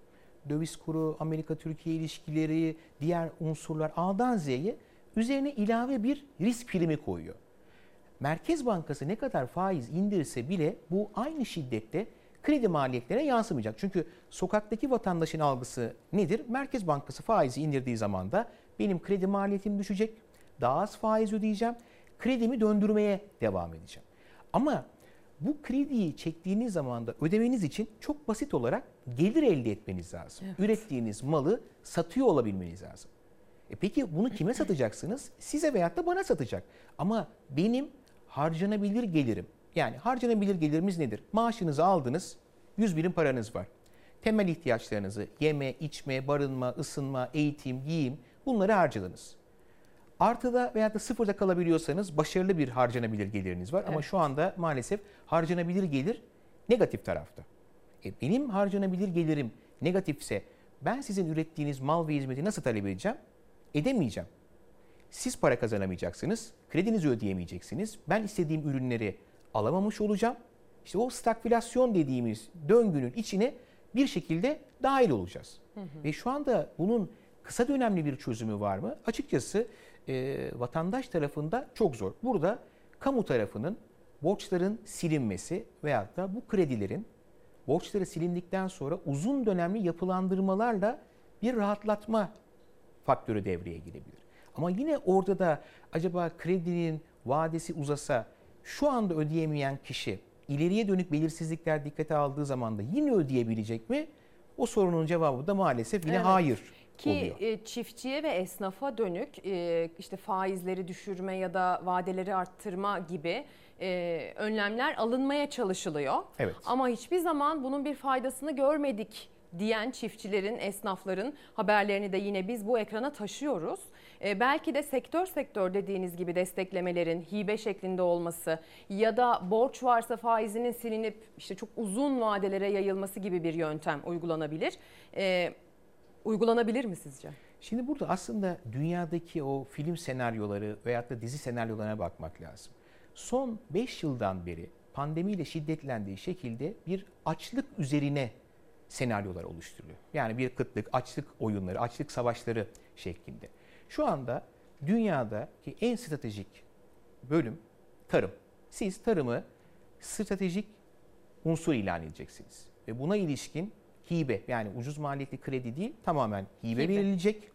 Üretim kendi imkanına devreye girecek ve her ne kadar serbest piyasanın doğasına aykırı olsa bile bazı stratejik ürünlerde ki bu da tarım sektörü hı hı.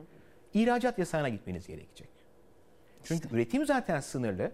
Bir de ihracatı devreye aldığınız zaman da yurt içinde sezonunda, mevsiminde yememiz gereken sebze meyveyi yiyemiyoruz. Var mı? Evet var ama maliyetlerden dolayı çok fazla fiyatlamada. Hı hı, hı. Dolayısıyla güçlü tarım, güçlü Türkiye diyebiliriz. Çünkü bu dünyada da bu şekilde. Tamamen tarıma odaklanmış bir durumda. Çiftçi, üretim. Çünkü gübre kullanmanız gerekiyor. Toprak arzınız sınırlı. İnsanlar sürekli nüfus olarak artıyor. Otonom tüketim, yeme içme ihtiyacınız var. Bunu nereden alacaksınız? Topraktan alacaksınız. Toprak Dün... arzı sınırlı. Üretimi arttırmak için ne yapacaksınız? Daha fazla gübre kullanacaksınız. Ama gübrenin fiyatı dolarla. Uçtu. Dünyada gübre Katlandı. fiyatları yükseliyor. Hem dolar bazında yükseliyor. Bir de Türkiye'de bu Türk lirası ve diğer maliyetler eklendiği zaman da gübre çok fazla bir maliyet kalemi oluşturuyor. Üretim tıkanıyor. Evet. Üretim tıkandığı zaman da biz her enflasyon verisi geldiği zaman da acaba tekrar gıda şoku gelir mi? Gözümüzü ekranlarda hal tarafına döndürüyoruz. Halde fiyatlar ne oldu? Ve orada da referans nasıl e, döviz ekonominin barometresi ise tarım tarafında da ilginç bir şekilde domates barometresi. Domates fiyatı yüksek mi değil mi? Oradan tarım ürünlerindeki referansı anlamaya Bir de buğday vardır hocam. Buğdaya da çok bakılır biliyorsunuz. Kesinlikle. İsterseniz bu bahsettiğiniz tıkanıklığın tırnak içinde sokağa yansımasını izleyelim birlikte. Tabii. Sonra bir de onun üzerine konuşalım. Bakın sokaktan gelen yankı nasıl? Başkanım, üniversite okuyorum ellerime bakın. Nerede çalıştın sen? Ben Hatay'da çalıştım başkanım. Hatay'da çalışıyorum. Ne kazandın? İşte burada yiyorum başkanım. Tarlada çalışan üniversite öğrencisi bir genç nasır tutmuş ellerini gösterdi İyi Parti liderine. Yaşadığı geçim zorluğunu o elleri ve sözlerinden çok gözyaşları anlattı. Vay bu ele bak. Gel. Gel buraya. Gel buraya. Şimdi bak sen benimsin. Ana artık, kucağı, tamam ana kucağı. Bak sen bundan sonra benimsin. Sayın Erdoğan, geleceğine dair bir parça umut bırakmadığın gençlerimizin gönlündeki yaraya, gözündeki yaşa iyi bak. Gelip burada da türkü söyleyebilir misin? Uçan Türkiye masallarını Turhal'daki kardeşlerime de anlatabilir misin? Gelecek kaygısı var. Üniversite okuyoruz. İş bulacak mıyız? O sorun. Gece saat 1'e 2'ye kadar doların yükselişini izledim. 9-18'e kadar gördüm. Benim cebimde 20 lira var. Veriyorum orada 10 lira gidiyor. Yemek yesen 10 lira gidiyor yani. Akşamda paran yok. Bir aktiviten yok. Başkan buraya geleli 2 hafta oldu. 1500 TL paramız gitti. Ya buradaki esnaflara söylüyoruz. iş arıyoruz yani. Hem öğrenciyiz hem ayarlıyoruz. Üniversitede okuyan ama iş kaygısı taşıyan gençleri dinledi uzun uzun Akşener. Gelecek Partisi Genel Başkanı Davutoğlu da Van sokaklarındaydı. İş bulamıyor.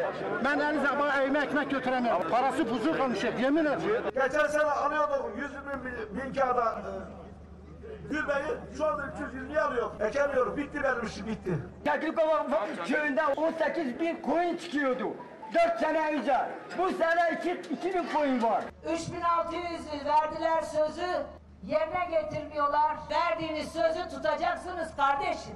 Bir üreticimiz ilaç dedi. Fiyatı dedi 480 liraydı geçen sene. Bu sene dedi 850 lira. İyi Parti lideri Tokat Zile Meydanı'ndan Cumhurbaşkanı'na 3600 ek gösterge sözünü hatırlatırken Deva Partisi lideri Babacan da çiftçilere vaatlerini sıraladı. Mazotun ötevesini çiftçimize aynen iade edeceğiz. Gübrenin tam yarısını biz devlet olarak karşılayacağız. Kredi borçlarını en az 2 yıl faizsiz olarak erteleyeceğiz.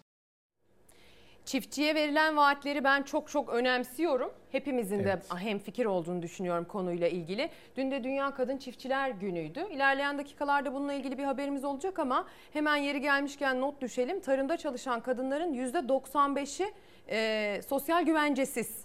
Mesela önerilerden bir tanesi de onların sosyal güvencesini, SGK primlerini devletin ödemesi ve onların bir şekilde tarımda kalmasını, hem gençlerin hem kadınların tarımda kalmasını sağlamak şeklinde. Hocam siz bu işin psikolojisiyle ilgili uzmanlık sahibisiniz.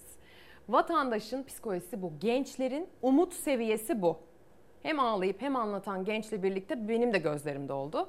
Gerçekten e, gençlerin umutsuzluğu artık elle tutulur hale geldi. Somutlaştı, taşlaştı gözümüzde. E, bu psikoloji nasıl yönetilir? Bu içinde bulunduğumuz ekonomide bu psikoloji nereye gider? E, ne düşünüyorsunuz? Şimdi buradaki basit olabilecek en etkin çözüm ücretlerin belli bir seviyede arttırılması. Çünkü şu anda bazı gerçekler var istihdam piyasasında. Çok sıkı. Ve gençler şöyle bir tercihte bulunuyor. Yani bizi izleyenler, işveren tarafında olanlar mutlaka bu bahsedeceğim e, konuya ucundan bir şekilde e, denk gelmiştir. Verilen ücret yani asgari ücret çok bazda olduğundan dolayı gençler şöyle bir tercih yapıyor. Yoğun bir çalışma mesaisi, alacağım ücret, bu ücreti alırken yapacağım yol masrafı, yeme içme masrafım, başka diğer ma- maliyetler dikkate alındığı zaman da ben çalışmayayım. Ne yapayım? Ailemden harçlığımı alayım, biraz daha az harçlığımı alayım, evde oturayım ama istihdam piyasasına girmeyeyim. Şu anda böyle bir istihdam piyasasında bir sıkılaşma var ve bu gerçekten çok tehlikeli bir boyuta gitmenin ilk aşamalarında. Çünkü gençleri istihdama almadığınız zamanda bu üretim modellerinde fikri yaratıcılık anlamında ülke anlamındaki ekonomiye negatif hasarlar veriyor. Ve şu anda gençler de biraz daha düşünce yapılarından dolayı yani kuşak farklılığından dolayı onların bakış açıları çok farklı.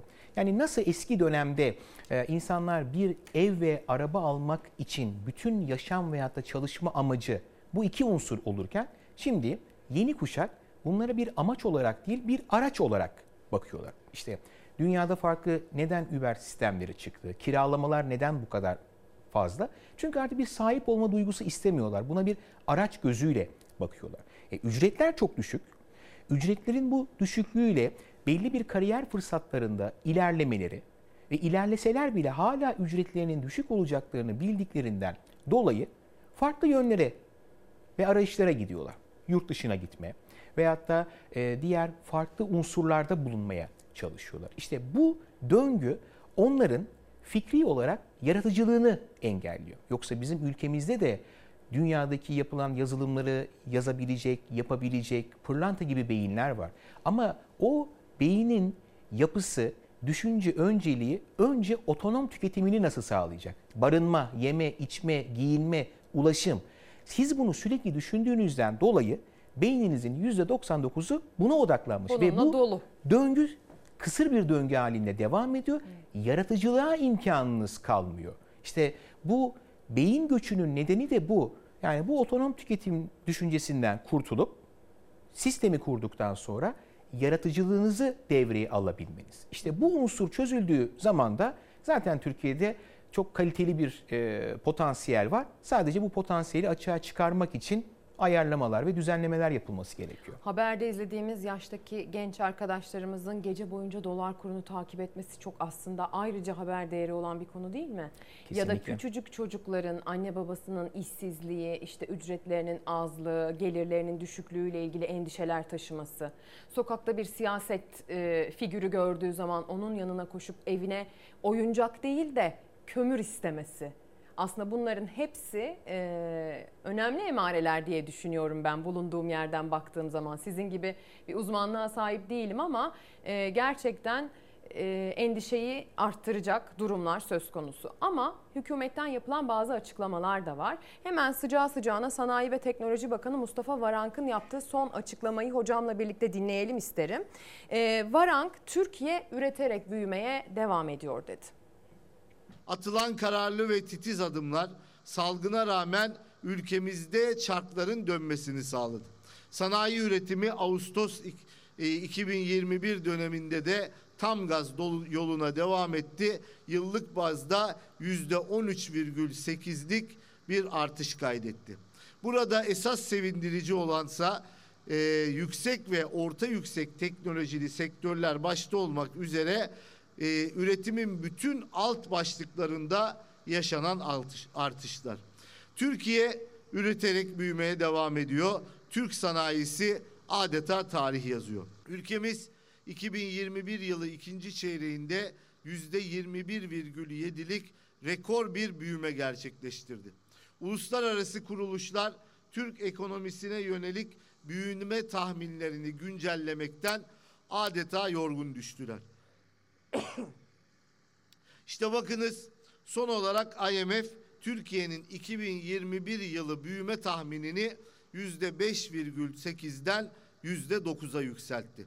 Bu durum 2008 krizini sıyrıklarla atlatan ülkemizin pandemi koşullarından da güçlenerek çıkacağının göstergesidir.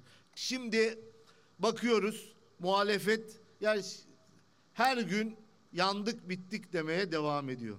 Siyasi çıkarları uğruna karalama siyaseti gütmeye devam ediyor.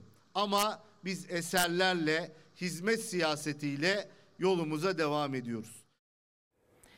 Sayın Bakan, Sayın Varank, uluslararası kuruluşlar Türk ekonomisine yönelik büyüme tahminlerini güncellemekten adeta yorgun düştüler diyor.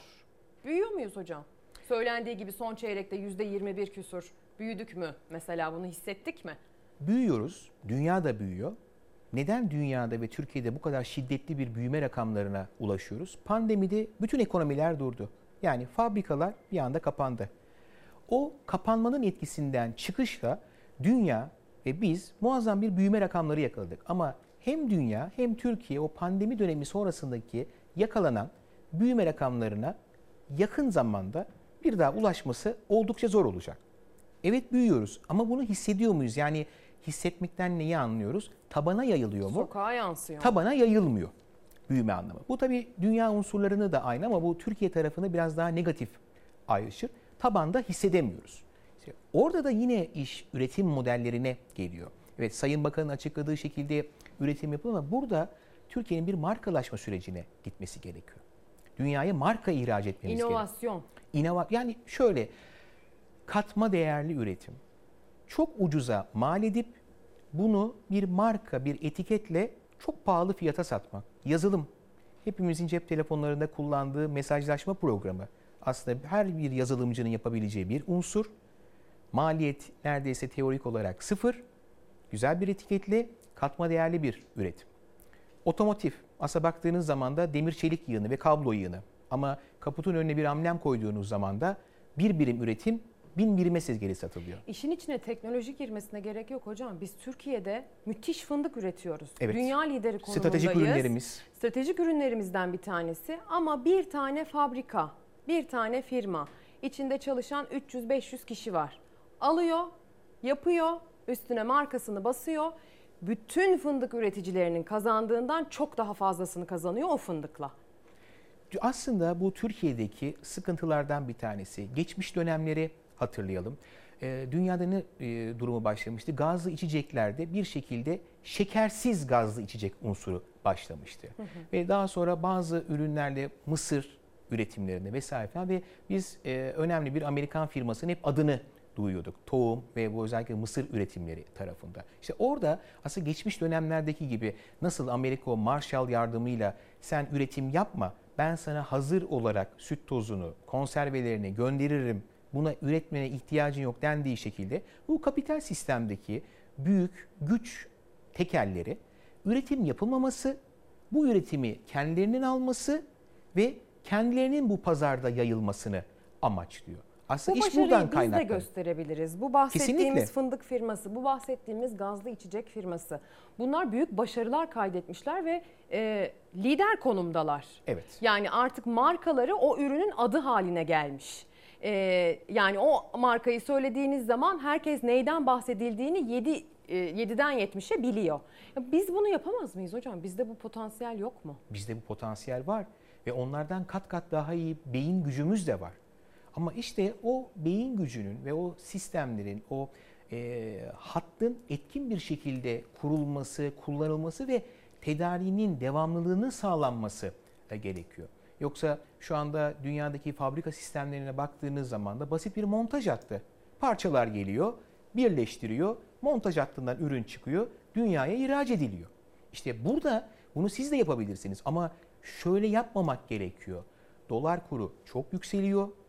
Avrupa'nın istihdam yani iş gücü anlamında Çin'i olup ucuz iş gücüyle üretimi buraya çekip ekonomik katkı sağlamak modelde olmaması gereken bir unsur.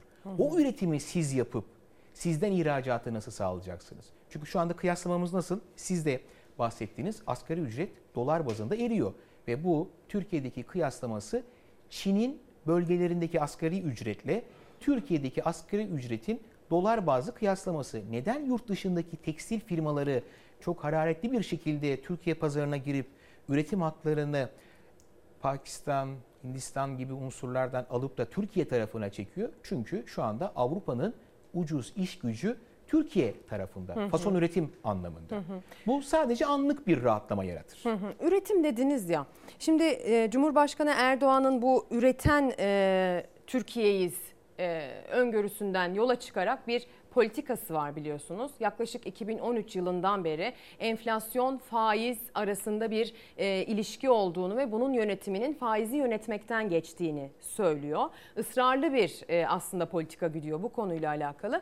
Bununla ilgili söyleyeceklerinizi merak ediyorum. O yüzden zamanımızı da e, yeterince kullanabilmek, hesaplı kullanabilmek adına haberimizi izleyelim. Bu faiz enflasyon denkleminde ne var ne yok bir soralım hocamıza.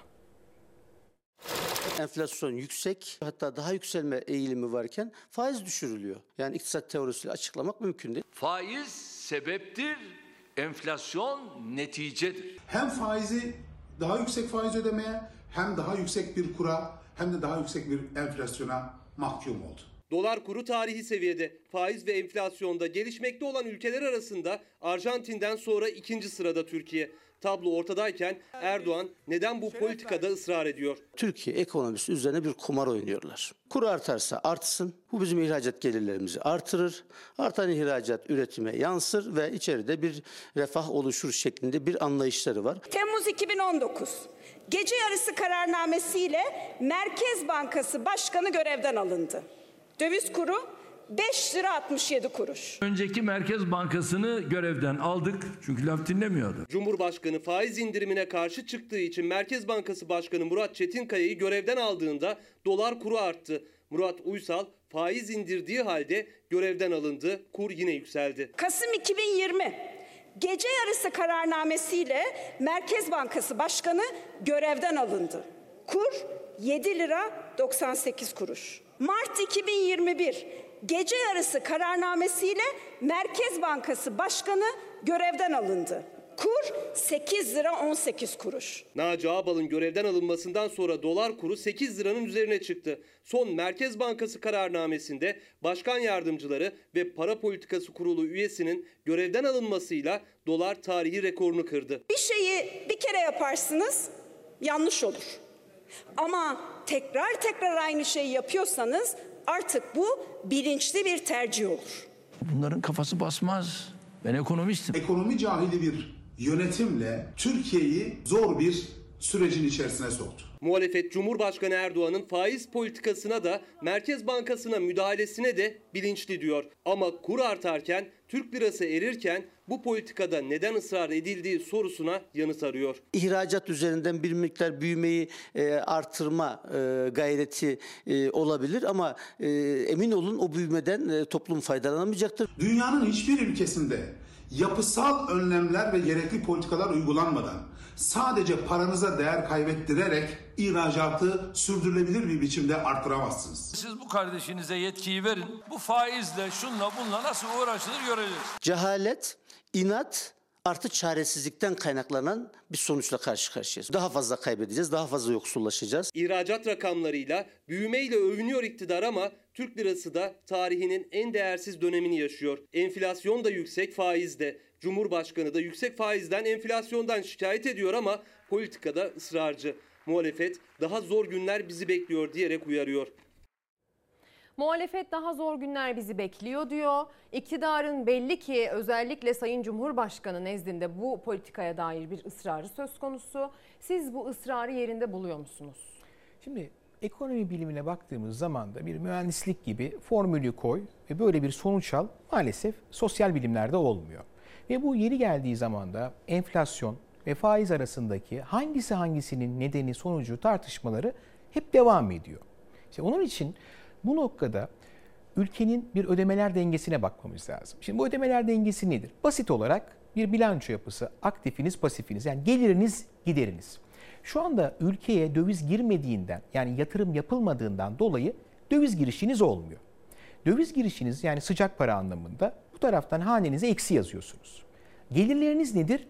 İhracat ve turizm. E, turizmde de evet Haziran-Temmuz dönemlerinde iyi bir ivme kazanıldı ama daha sonra yangın ve doğal afetlerden dolayı ve sezonun bitmesi kaynaklı orada da gelir yazamıyorsunuz.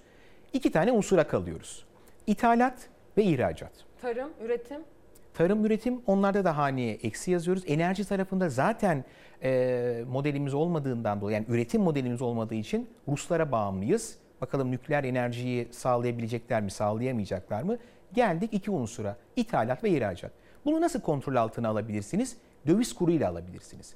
İthalatı kısıp ihracatı arttırmak.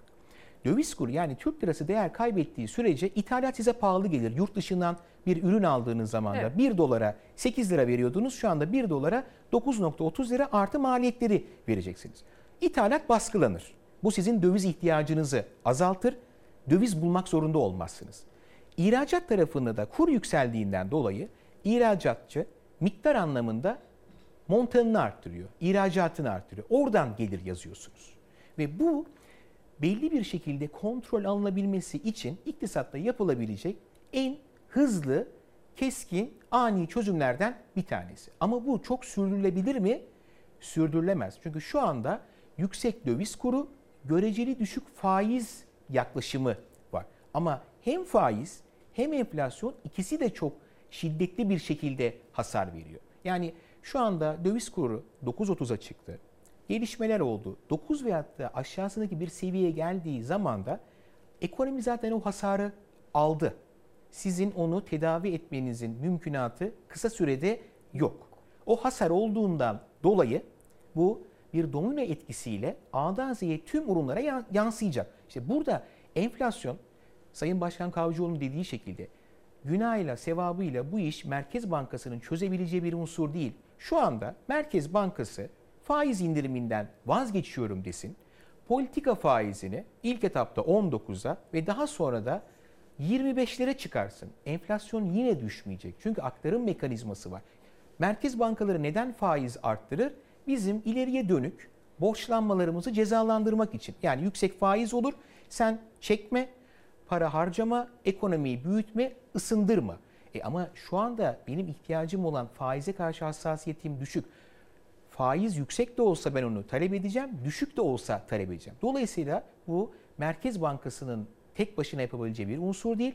Diğer ekonomi paydaşlarındaki o aktarım mekanizmalarının nasıl düzeltileceği ve düzgün işleyebilir hale getirileceğinin çözülmesi gerekiyor. Yani faizle enflasyon arasında düzgün doğrusal bir denklem yok. Çok bilinmeyenli bir denklem olması, Kesinlikle. bir Ve algoritma olması gerekiyor. İşin kontrol içinde, edemediğimiz unsurlar da var evet, işin içinde. o yüzden bu bunun böyle çözülmeyeceğini anlıyorum anlattıklarınızdan.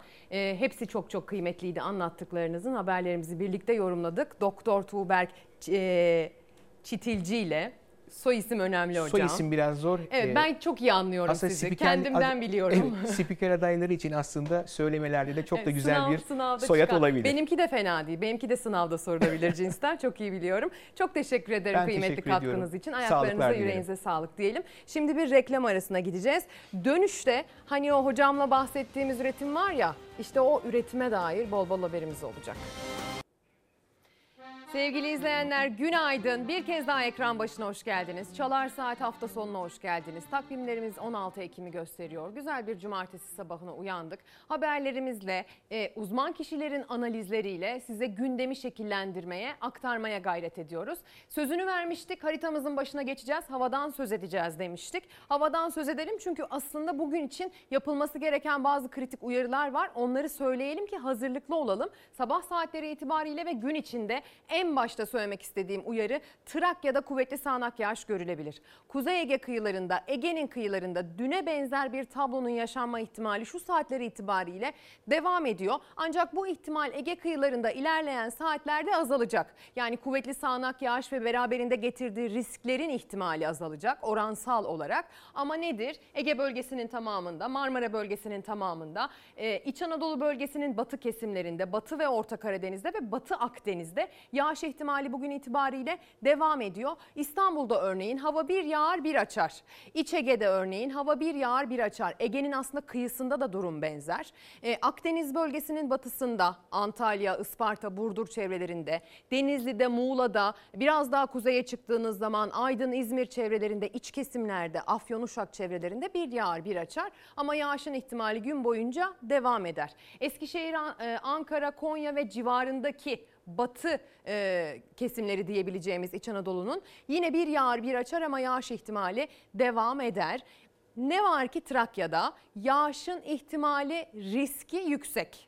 Bu da kuvvetli sağanak yağışın bölgesel olarak etkili olması, sel, su baskını, taşkın gibi riskleri beraberinde getirmesi anlamına geliyor. Sıcaklık ne durumda diye soracak olursanız bugün itibariyle sıcaklıklarda düşüş var. Özellikle batıda sıcaklığın düşüşü hissedilir olacak. Hani birkaç derece termometre oynar dünden çok fark etmez öyle değil. Bugün hissedilir bir sıcaklık düşüşü özellikle batıda. Üşütecek. Gün içinde güneş biraz görüldüğünde biraz ılık hissedilebilir. Mesela İstanbul için de bu geçerli. İç kesimler Akdeniz bölgesi ya da Ankara için de bu geçerli. Biraz güneş görülür gün içinde ama birazdan kapattığında birden hava soğur ya da akşam olduğunda keskin bir sıcaklık düşüşü yaşanır. Hava üşütmeye başlar. Yani ara sıra kendini gösteren güneş bugün aldatmasın diyelim. Yağmur önemli çünkü geçtiğimiz bir buçuk yıl içerisinde hatta artık iki yıl diyebilirim 2021'in sonuna yaklaşıyoruz. Ciddi anlamda bir kuraklık yaşıyor, dünya yaşıyor ve Türkiye'de yaşıyor. Türkiye özellikle iklim krizi dendiğinde kuraklığı en üst seviyede yaşayacak ülkelerden bir tanesi bulunduğu paralelde bulunduğu konumda. Dolayısıyla üretiminden tüketimine her şeyimizi etkileyen bu kuraklığı biz de gün gün takip etmeye devam ediyoruz.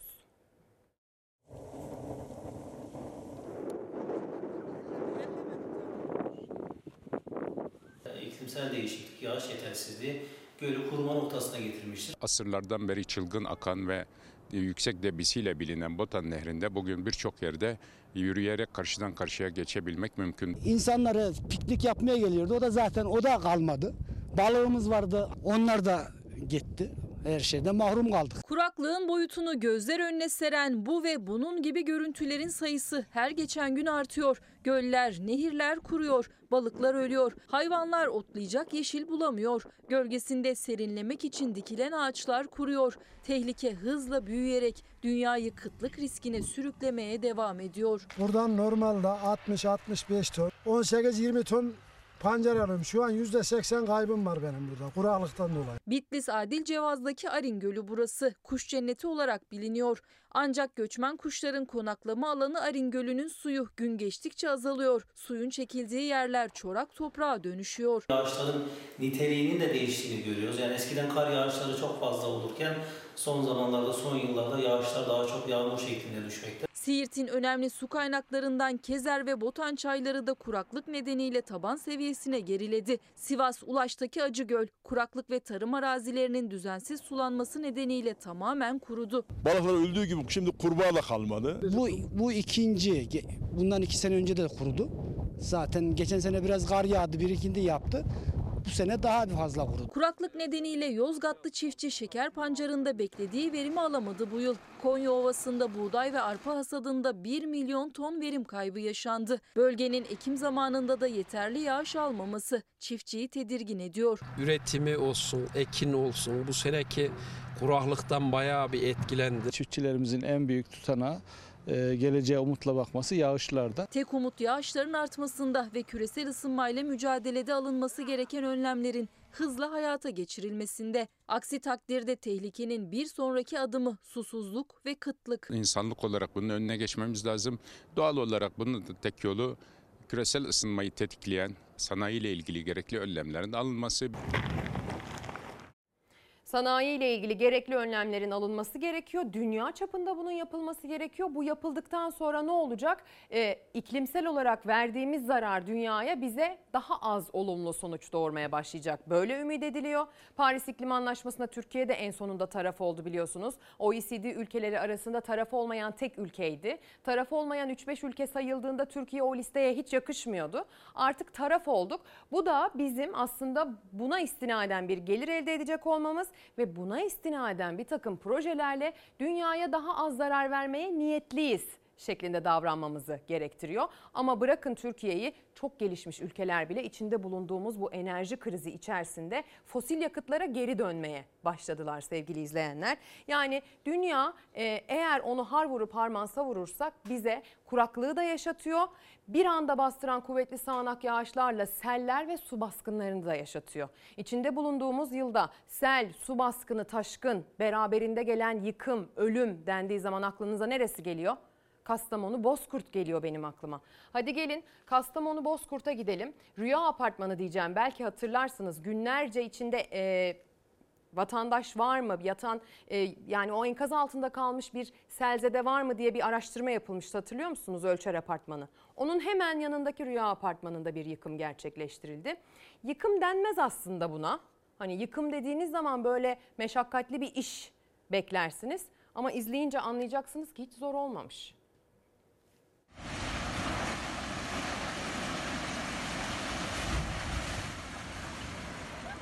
Selde yıkılmayan ancak güçlükle ayakta duran binalardan biriydi. 10 katlı apartman iş makinesinin küçük bir dokunuşuyla yerle bir oldu.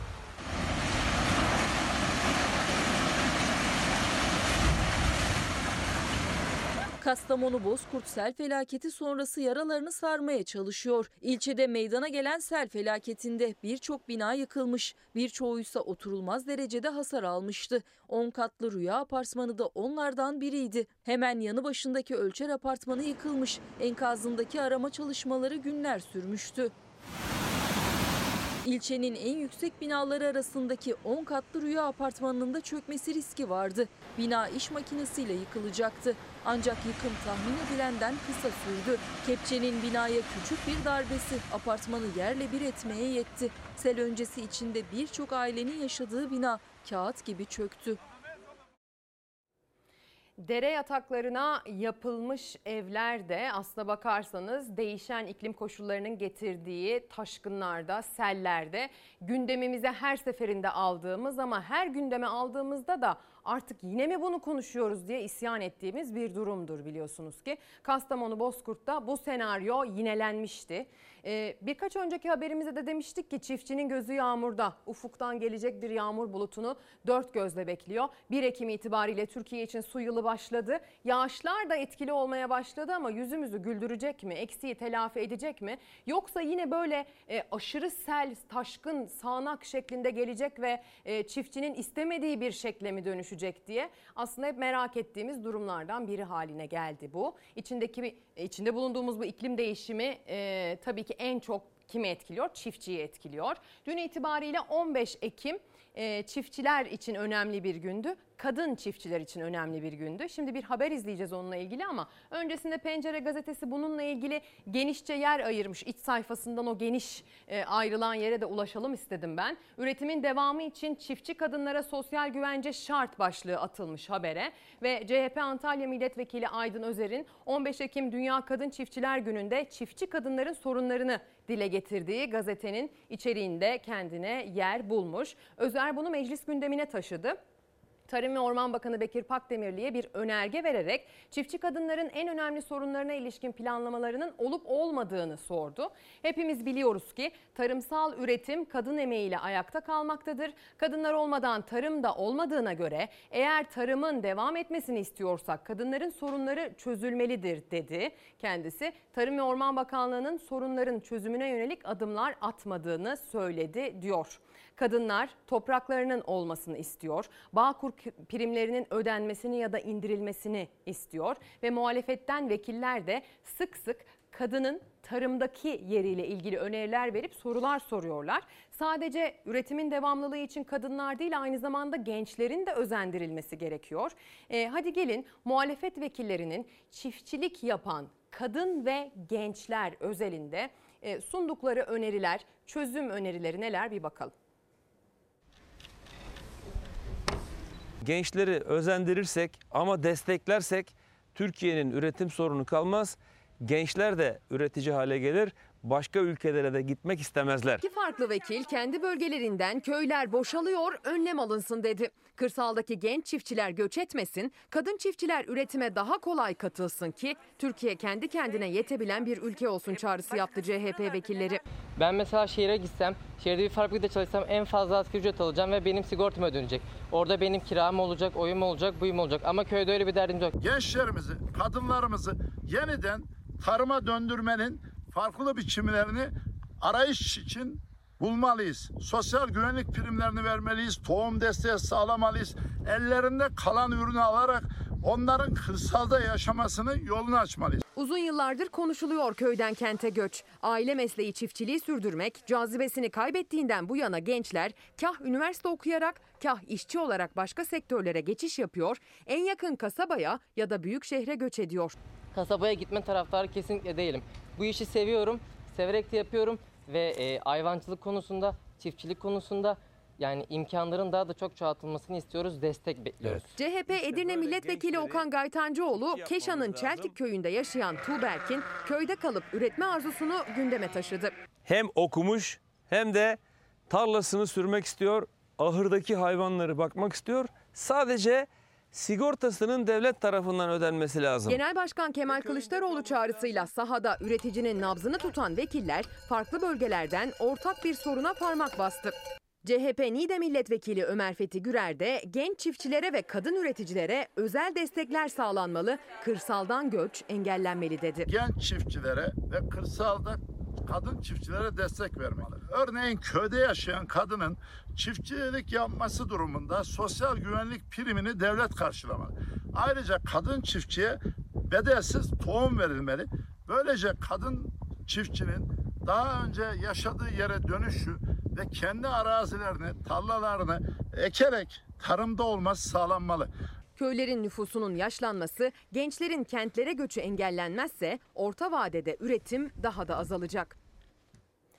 Köylerdeki kadınların ve gençlerin varlığı çok stratejik, çok önemli. Bunu sadece biz değil uzman, uzmanları da söylüyor sevgili izleyenler. 15 Ekim Dünya Kadın Çiftçiler Günü'ydü dün. Bir gün gecikmeli de olsa tüm kadın emekçilerimizin ve çiftçilerimizin gününü kutluyoruz. Buradan kendilerine selam, sevgi iletiyoruz diyelim. Devam edelim. Kamera, kameralarımızı İstanbul Rami'ye çevireceğiz.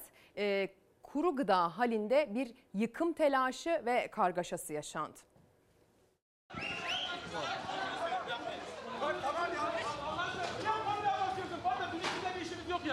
Çekin ya. Abi malı müsaade etmiyorsun. Tamam malı yüklesin. Malımızı yüklemeye müsaade etmiyorlar. İki dakika diyoruz ya, iki dakika ya. Polis saldırıyor. Hak ettik mi bunu bu ya? Yazık günah değil mi insanlara ya? Ne biçim insansınız ya? Günah değil mi bu insanlara ya? Esnaf taşınmak için süre istedi ama ekipler dükkanları tek tek yıkmaya başladı. 40 yıllık dükkanlarındaki mallarını kurtarmaya çalıştılar. İstanbul'un kuru gıda halinde yıkım gerginliği vardı. Hala yıkıyorlar. Siz? Bakın şu an sizin yanınıza yıkıyorlar. Yıkacak işte bak sallanıyor işte buyurun. Korkuyor musunuz Allah'tan ya? Kardeşim biz burada şeyin altındayız bunu. E onu şey üstümüze yıkılsa ne olacak? Nedir bu aceleniz ya? Ayıp denen bir şey var ya. Kim size talimat veriyor ya? Yaklaşık 40 yıldır Eyüp Sultan'daki Rami halinde tüm İstanbul'a kuru gıda satıyor esnaf. Adını da bölgedeki Rami kışlasından alıyor. Restorasyon projesi kapsamında kuru gıda halinin Başakşehir'e taşınmasına karar verildi. Esnaf taşınmak için ek süre istemişti. O süre sona erdi. Bir aylık bir süre versinler bize. Taşınalım gidelim. Görüyorsunuz rezaleti. Yangından mal kaçırır gibi kaçırıyoruz. Pazartesiye kadar müsaade edin diyoruz onu da etmiyorlar. 36 yıllık esnafa taşının dendi. Taşınan taşındı ancak içeride çok malı olan biraz daha zaman istedi. Fakat sabah gelen yıkım ekipleri gerginliğe sebep oldu. Yıkım başladı. Şimdi esnaf içeride kalan mallarını son anda kurtarmaya çalışıyor. Daha mallarımızı alamadan daha talan ettiler burayı ya. Yıkım ekipleri size ulaşana kadar kaldırabilecek misiniz buyurun? İşte bilmiyorum vallahi kaldırabilecek miyim kaldıramayacak mıyım? Bir tane böyle bir tane arabam var onunla işte kaç parti gittim ya yaklaşık 30 kilometre yol ya.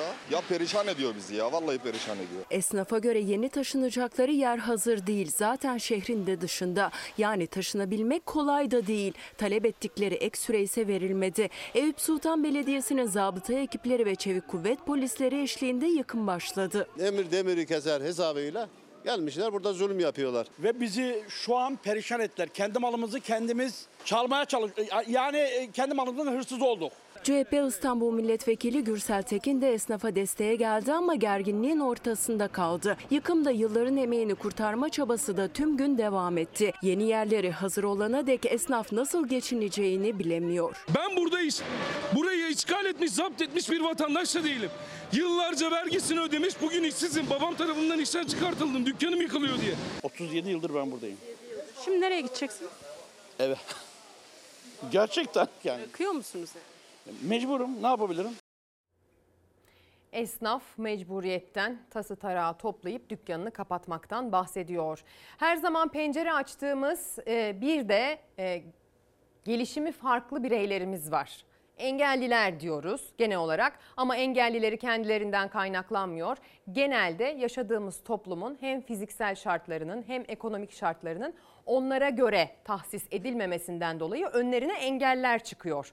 Dolayısıyla engellenenler mi demeliyiz acaba? Bazı durumlar için galiba çok yerinde bir tabir olabilir.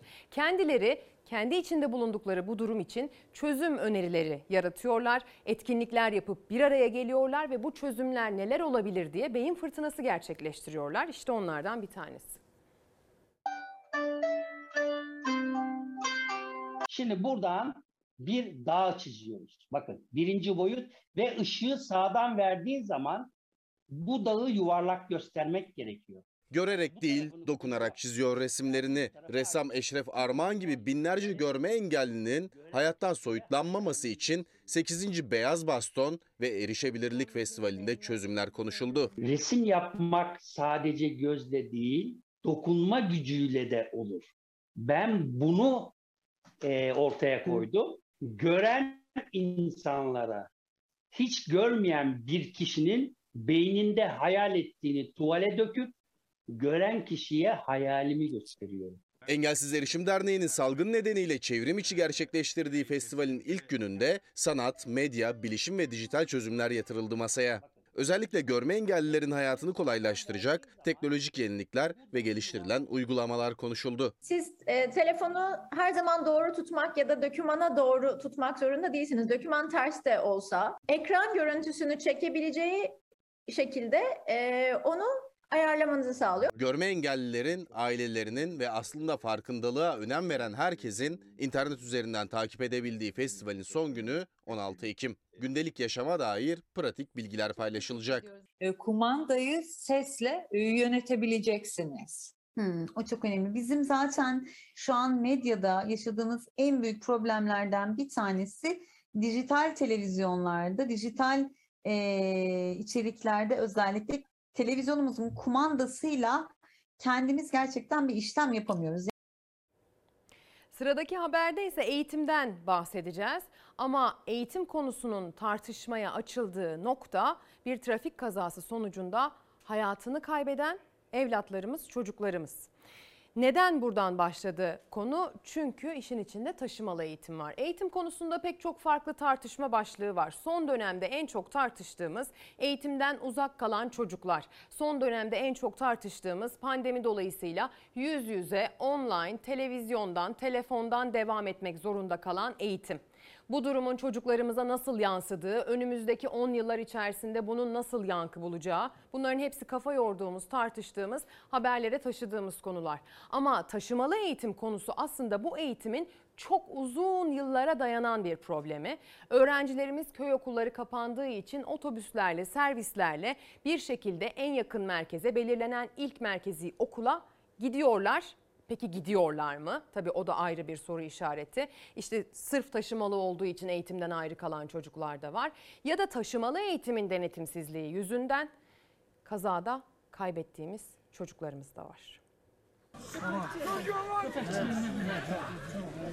Kalbimiz mahzun, gözlerimiz yaşlı. Okulu açmadınız, öğretmeni atamadınız.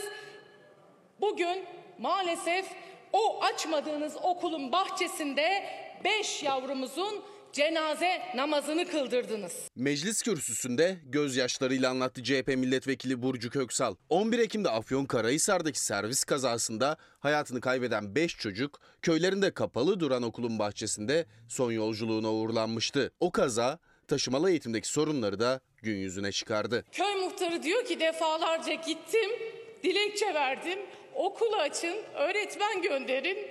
Ama maliyetli olur dediler açmadılar diye ağlıyor. Son 6 yılda taşımalı eğitime 16.3 milyar lira para harcadınız. Köyde öğretmen yoktu, okul kapalıydı. Çocuklar kilometrelerce öteye CHP'li vekilin iddiasına göre denetlenmeyen servislerle taşınıyordu. Köydeki çocuklarımızın öğrenci servislerini doğru dürüst denetleyebilirdiniz kapısı çuval ipiyle bağlanan, emniyet kemeri olmayan, hız kontrolü yapılmayan aracın denetleyeni de yok. Bu bir cinayettir, cinayet. Bu çocuklar göz göre göre ölüme gönderildi. Halbuki kapanan ve e, yıkılmaya yüz tutmuş okullarımızın bakım onarımı ve oradaki hizmet yardımcı hizmetli e, maliyeti ve öğretmen maliyeti emin olun maliyet daha düşük olacaktı. Ama ısrarla yetkililer bu taşımalı eğitimden vazgeçmek istemiyorlar. Eğitim İş Sendikası'na göre taşımalı eğitime harcanan milyarlarca lirayla kapalı duran okullar açılabilir. Yeni öğretmenler atanabilirdi. Özellikle kış aylarında öğrencilerin yaşayacağı zorluk artacak. Eğitimciler taşımalı sistemden vazgeçilmesini istiyor. Yolların kapanması e, e, durumunda öğrencilerimiz okullarına erişemeyecekler. Daha fazla acı daha fazla gözyaşı olmadan bu taşımalı eğitimde vazgeçilmeli. Bunun vebali sizin üzerinizde. Gerçekten konuşması ağır, yüreğe ağırlık veren bir konu. Hele ki ortada vefat etmiş evlatlar söz konusuysa sevgili izleyenler. Dediğim gibi taşımalı eğitim bugünün sorunu değil, yılların sorunu. Belki de gündemde kendine yer bulmakta zorlanan ama aslında çok öncelikli olarak tartışılıp çözüme kavuşturulması gereken konularımızdan bir tanesi. Ee, ailelere başsağlığı diliyoruz. Çok zor, çok zor Allah sabır versin diyelim, devam edelim. Ee, Ulaşım diyebileceğimiz bir konuyla devam edeceğiz ama biraz enteresan bir ulaşım şeklini dile getireceğiz. İstanbul'da ulaşım sorunu dendiği zaman son zamanlarda ilk akla gelen taksi sıkıntısı. E, vatandaş taksi bulmakta zorlanıyor. E, vatandaş artık böyle eli havada kalıyor. Taksi, taksi, taksi şeklinde el havada 10 taksi 12 taksi gideceğiniz yeri beğendiremiyorsunuz bazen. Karşıya geçmek zaten başlı başına bir sıkıntı bir aktarma sistemi getirilmiş durumda ona da. Ee, bu durumda bir başka taksi dikkat çekti. O taksi yol değil de kaldırımdan gidiyordu. Sonra bakın ne oldu. Görüyorsunuz yaya geçidi. Yaya geçidinde daha doğrusu Arkadaşlar görüyorsunuz kaldırımdan taksici gidiyor. Bu da oldu. Trafikten kaçmak için kaldırıma çıkan taksi korna çalarak yayadan yol istedi. Görüntüler sosyal medyada yayılınca taksinin şoförüne ceza kesildi. Arkadaşlar görüyorsunuz kaldırımdan taksici gidiyor. İstanbul'da Tem otoyolunda trafik sıkışınca bir taksici kaldırıma çıktı. Kaldırımın geniş olmasından faydalanıp ilerlemeye başladı. Hatta yürüyen bir kişiye korna çalarak kenara çekilmesini bile istedi. O anlar bir başka şoför tarafından görüntülendi. Sosyal medyada hızla yayılan görüntünün ardından harekete geçen polis taksici SY'yi yakaladı. Şoföre toplam 864 lira para cezası kesildi. Sevgili izleyenler şimdi de La Palma'ya gideceğiz. Belki bilmiyorduk ama adını ezberledik öyle değil mi? O yanardağ faciasından sonra binlerce evi lavlar yuttu.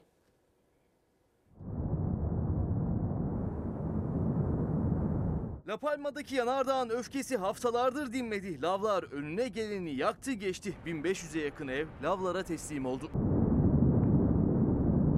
İspanya'nın güneybatısında yer alan Kanarya Adalarından biri La Palma Adası. Adada Cumbrevilla'ya yanardağı da var. Uzun süredir uyuyan yanardağ uyandı. 19 Eylül'de lav püskürtmeye başladı.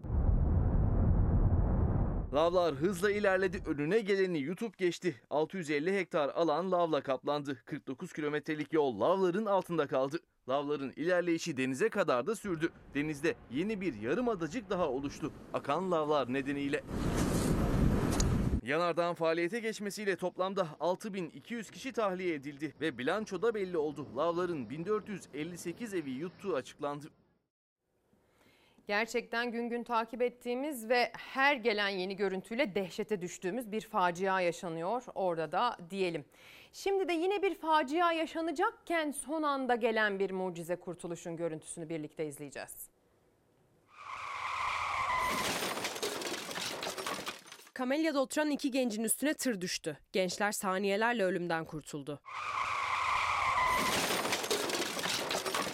Tokat'ta bir tır sürücüsü aracı yol kenarına park edip gittikten sonra tır bir anda hareket etmeye başladı. Yokuş aşağı kontrolsüz bir şekilde savrulan tır 3 metre yükseklikten bir spor salonunun bahçesine uçtu. Bahçedeki kamelyada oturan iki gencin tam üstüne. Saniyelerle kurtuldu gençler. O anlar güvenlik kameralarına yansıdı. Bir facia şans eseri atlatılmış oldu.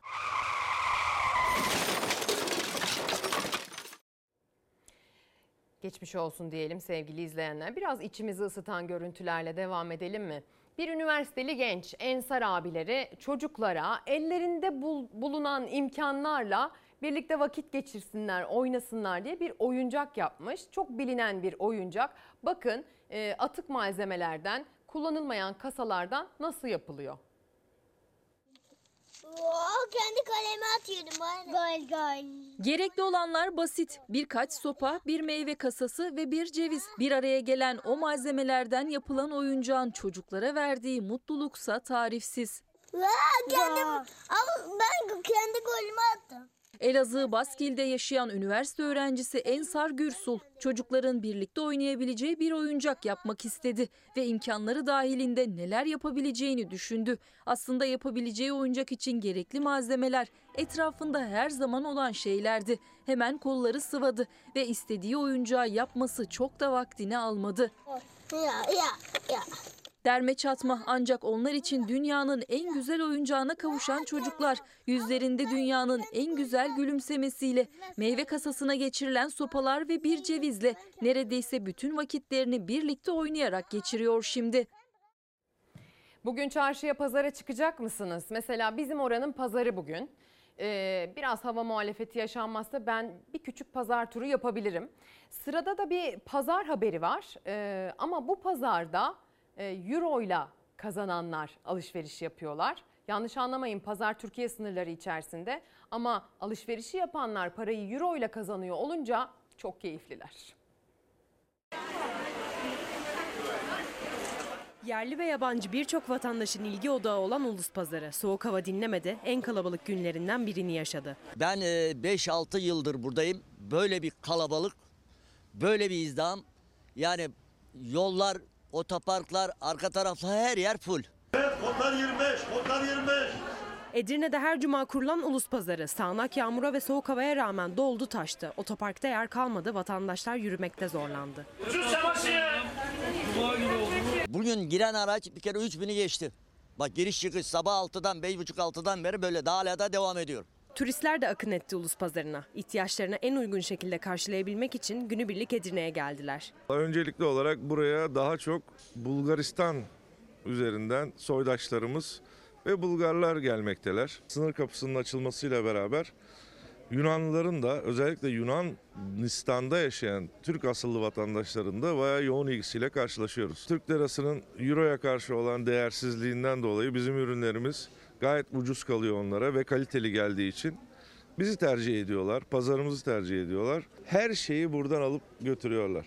Yeter ki kalitesi hoşlarına gitsin. Bulgaristan'dan geldik, doldurduk arabayı, yoğun oldu. En uygunu, en uygunu burası.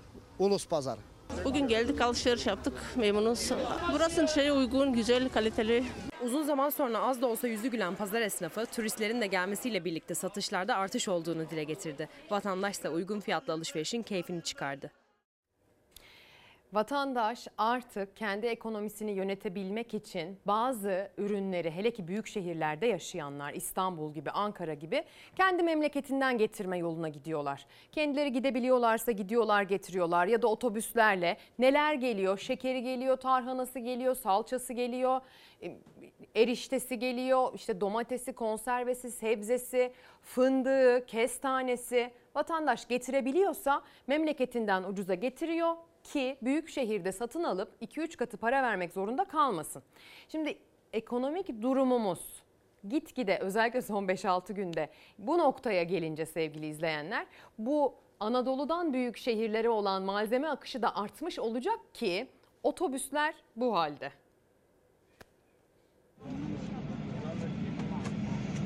Koridor, kapı önleri hatta yolcuların kucakları fındık ve kestane çuvallarıyla doluydu. Acil durumda facianın kaçınılmaz olduğu bu yolculuğa jandarma dur dedi.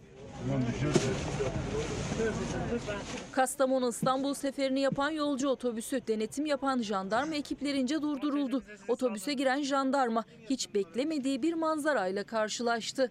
Giriş kapısı hariç koridor, orta ve arka kapı girişleri tamamen doluydu. Çuvallarda fındık ve kestane vardı. Olası bir kaza ya da yangın durumunda otobüsü tahliye etmek mümkün olmayabilirdi. Jandarma yolcuların bu şekilde seyahat etmelerine izin vermedi. Çuvallar bir kamyonete yüklenip İstanbul'a gönderildi. Otobüs firmasına ise 2372 lira para cezası kesildi. Banksy desem tanır mısınız o sanatçıyı? Tanımıyorsanız da lütfen tanışın. Buyurun. We have, ladies and gentlemen, for your delectation, Lot 7, Lucky 7. Sanattaki ideolojisiyle ön plana çıkan Banksy bu sefer kendi rekorunu kırdı. Kendini imha eden tablosu Çöpteki Aşk 18 milyon sterline satıldı. 5 is the next bid. For 7 million is bid with the absentee bidder now. Yakın tarihin belki de en sıra dışı sanatçılarından Banksy 2018 yılında bir ilke imza atmıştı. Müzayedeye çıkarılan Kırmızı Balonlu Kız eseri 1 milyon sterline satılınca sanat ticaretinin aşırılıklarını yıkmak için tablonun içine konumlandırdığı uzaktan kumandalı mekanizmayı çalıştırdı, tabloyu paramparça etti. Yeah, if you could maybe get one of the technicians Yeni bir eserin doğuşunu başlatmış olan Banksy'nin çok konuşulan bu hareketi eserin kat ve kat değerlenmesine sebep oldu. Çok değerli bir performans sanatı eseri haline gelen Kırmızı Balonlu Kız eserinin imha edildikten sonra ismi çöpteki aşk olarak değiştirildi ve tam 3 yıl sonra milyonlarca sterlin kar elde ederek dün Londra'da 18 milyon sterline satıldı. Satışı üstlenen firma açıklamasında uzaktan kumandalı parçalama mekanizmasının hala çerçevenin içinde olduğunu belirtti. Yarısı çerçevenin altından sarkan çöpteki aşk koruyucu bir cam ekranın arkasında sergilendi. Ya kısa bir ara. 16 Ekim Cumartesi sabahından sesimizin görüntümüzün ulaştığı her yere aydınlık bir gün temennisini tekrar tekrar dile getirdik. Bir kez daha söyleyelim 40 kere söylersen olurmuş. Günaydın olsun sevgili izleyenler. Haberlerimizi aktardık. Tüm hazırlıklarımızı size sunduk. Ekranın bir köşesinde adını gördüğünüz, okuduğunuz tüm arkadaşlarımın verdiğimiz bu haberlerde, bu kıymetli içeriklerde payı vardır. Hepsinin eline emeğine sağlık diyelim. Yarın sabah saatler 8.30'u gösterdiğinde Çalar Saat hafta sonu yine bu ekranda sizlerin karşısında olacak. Sizler de orada olursanız bir anlamı olur.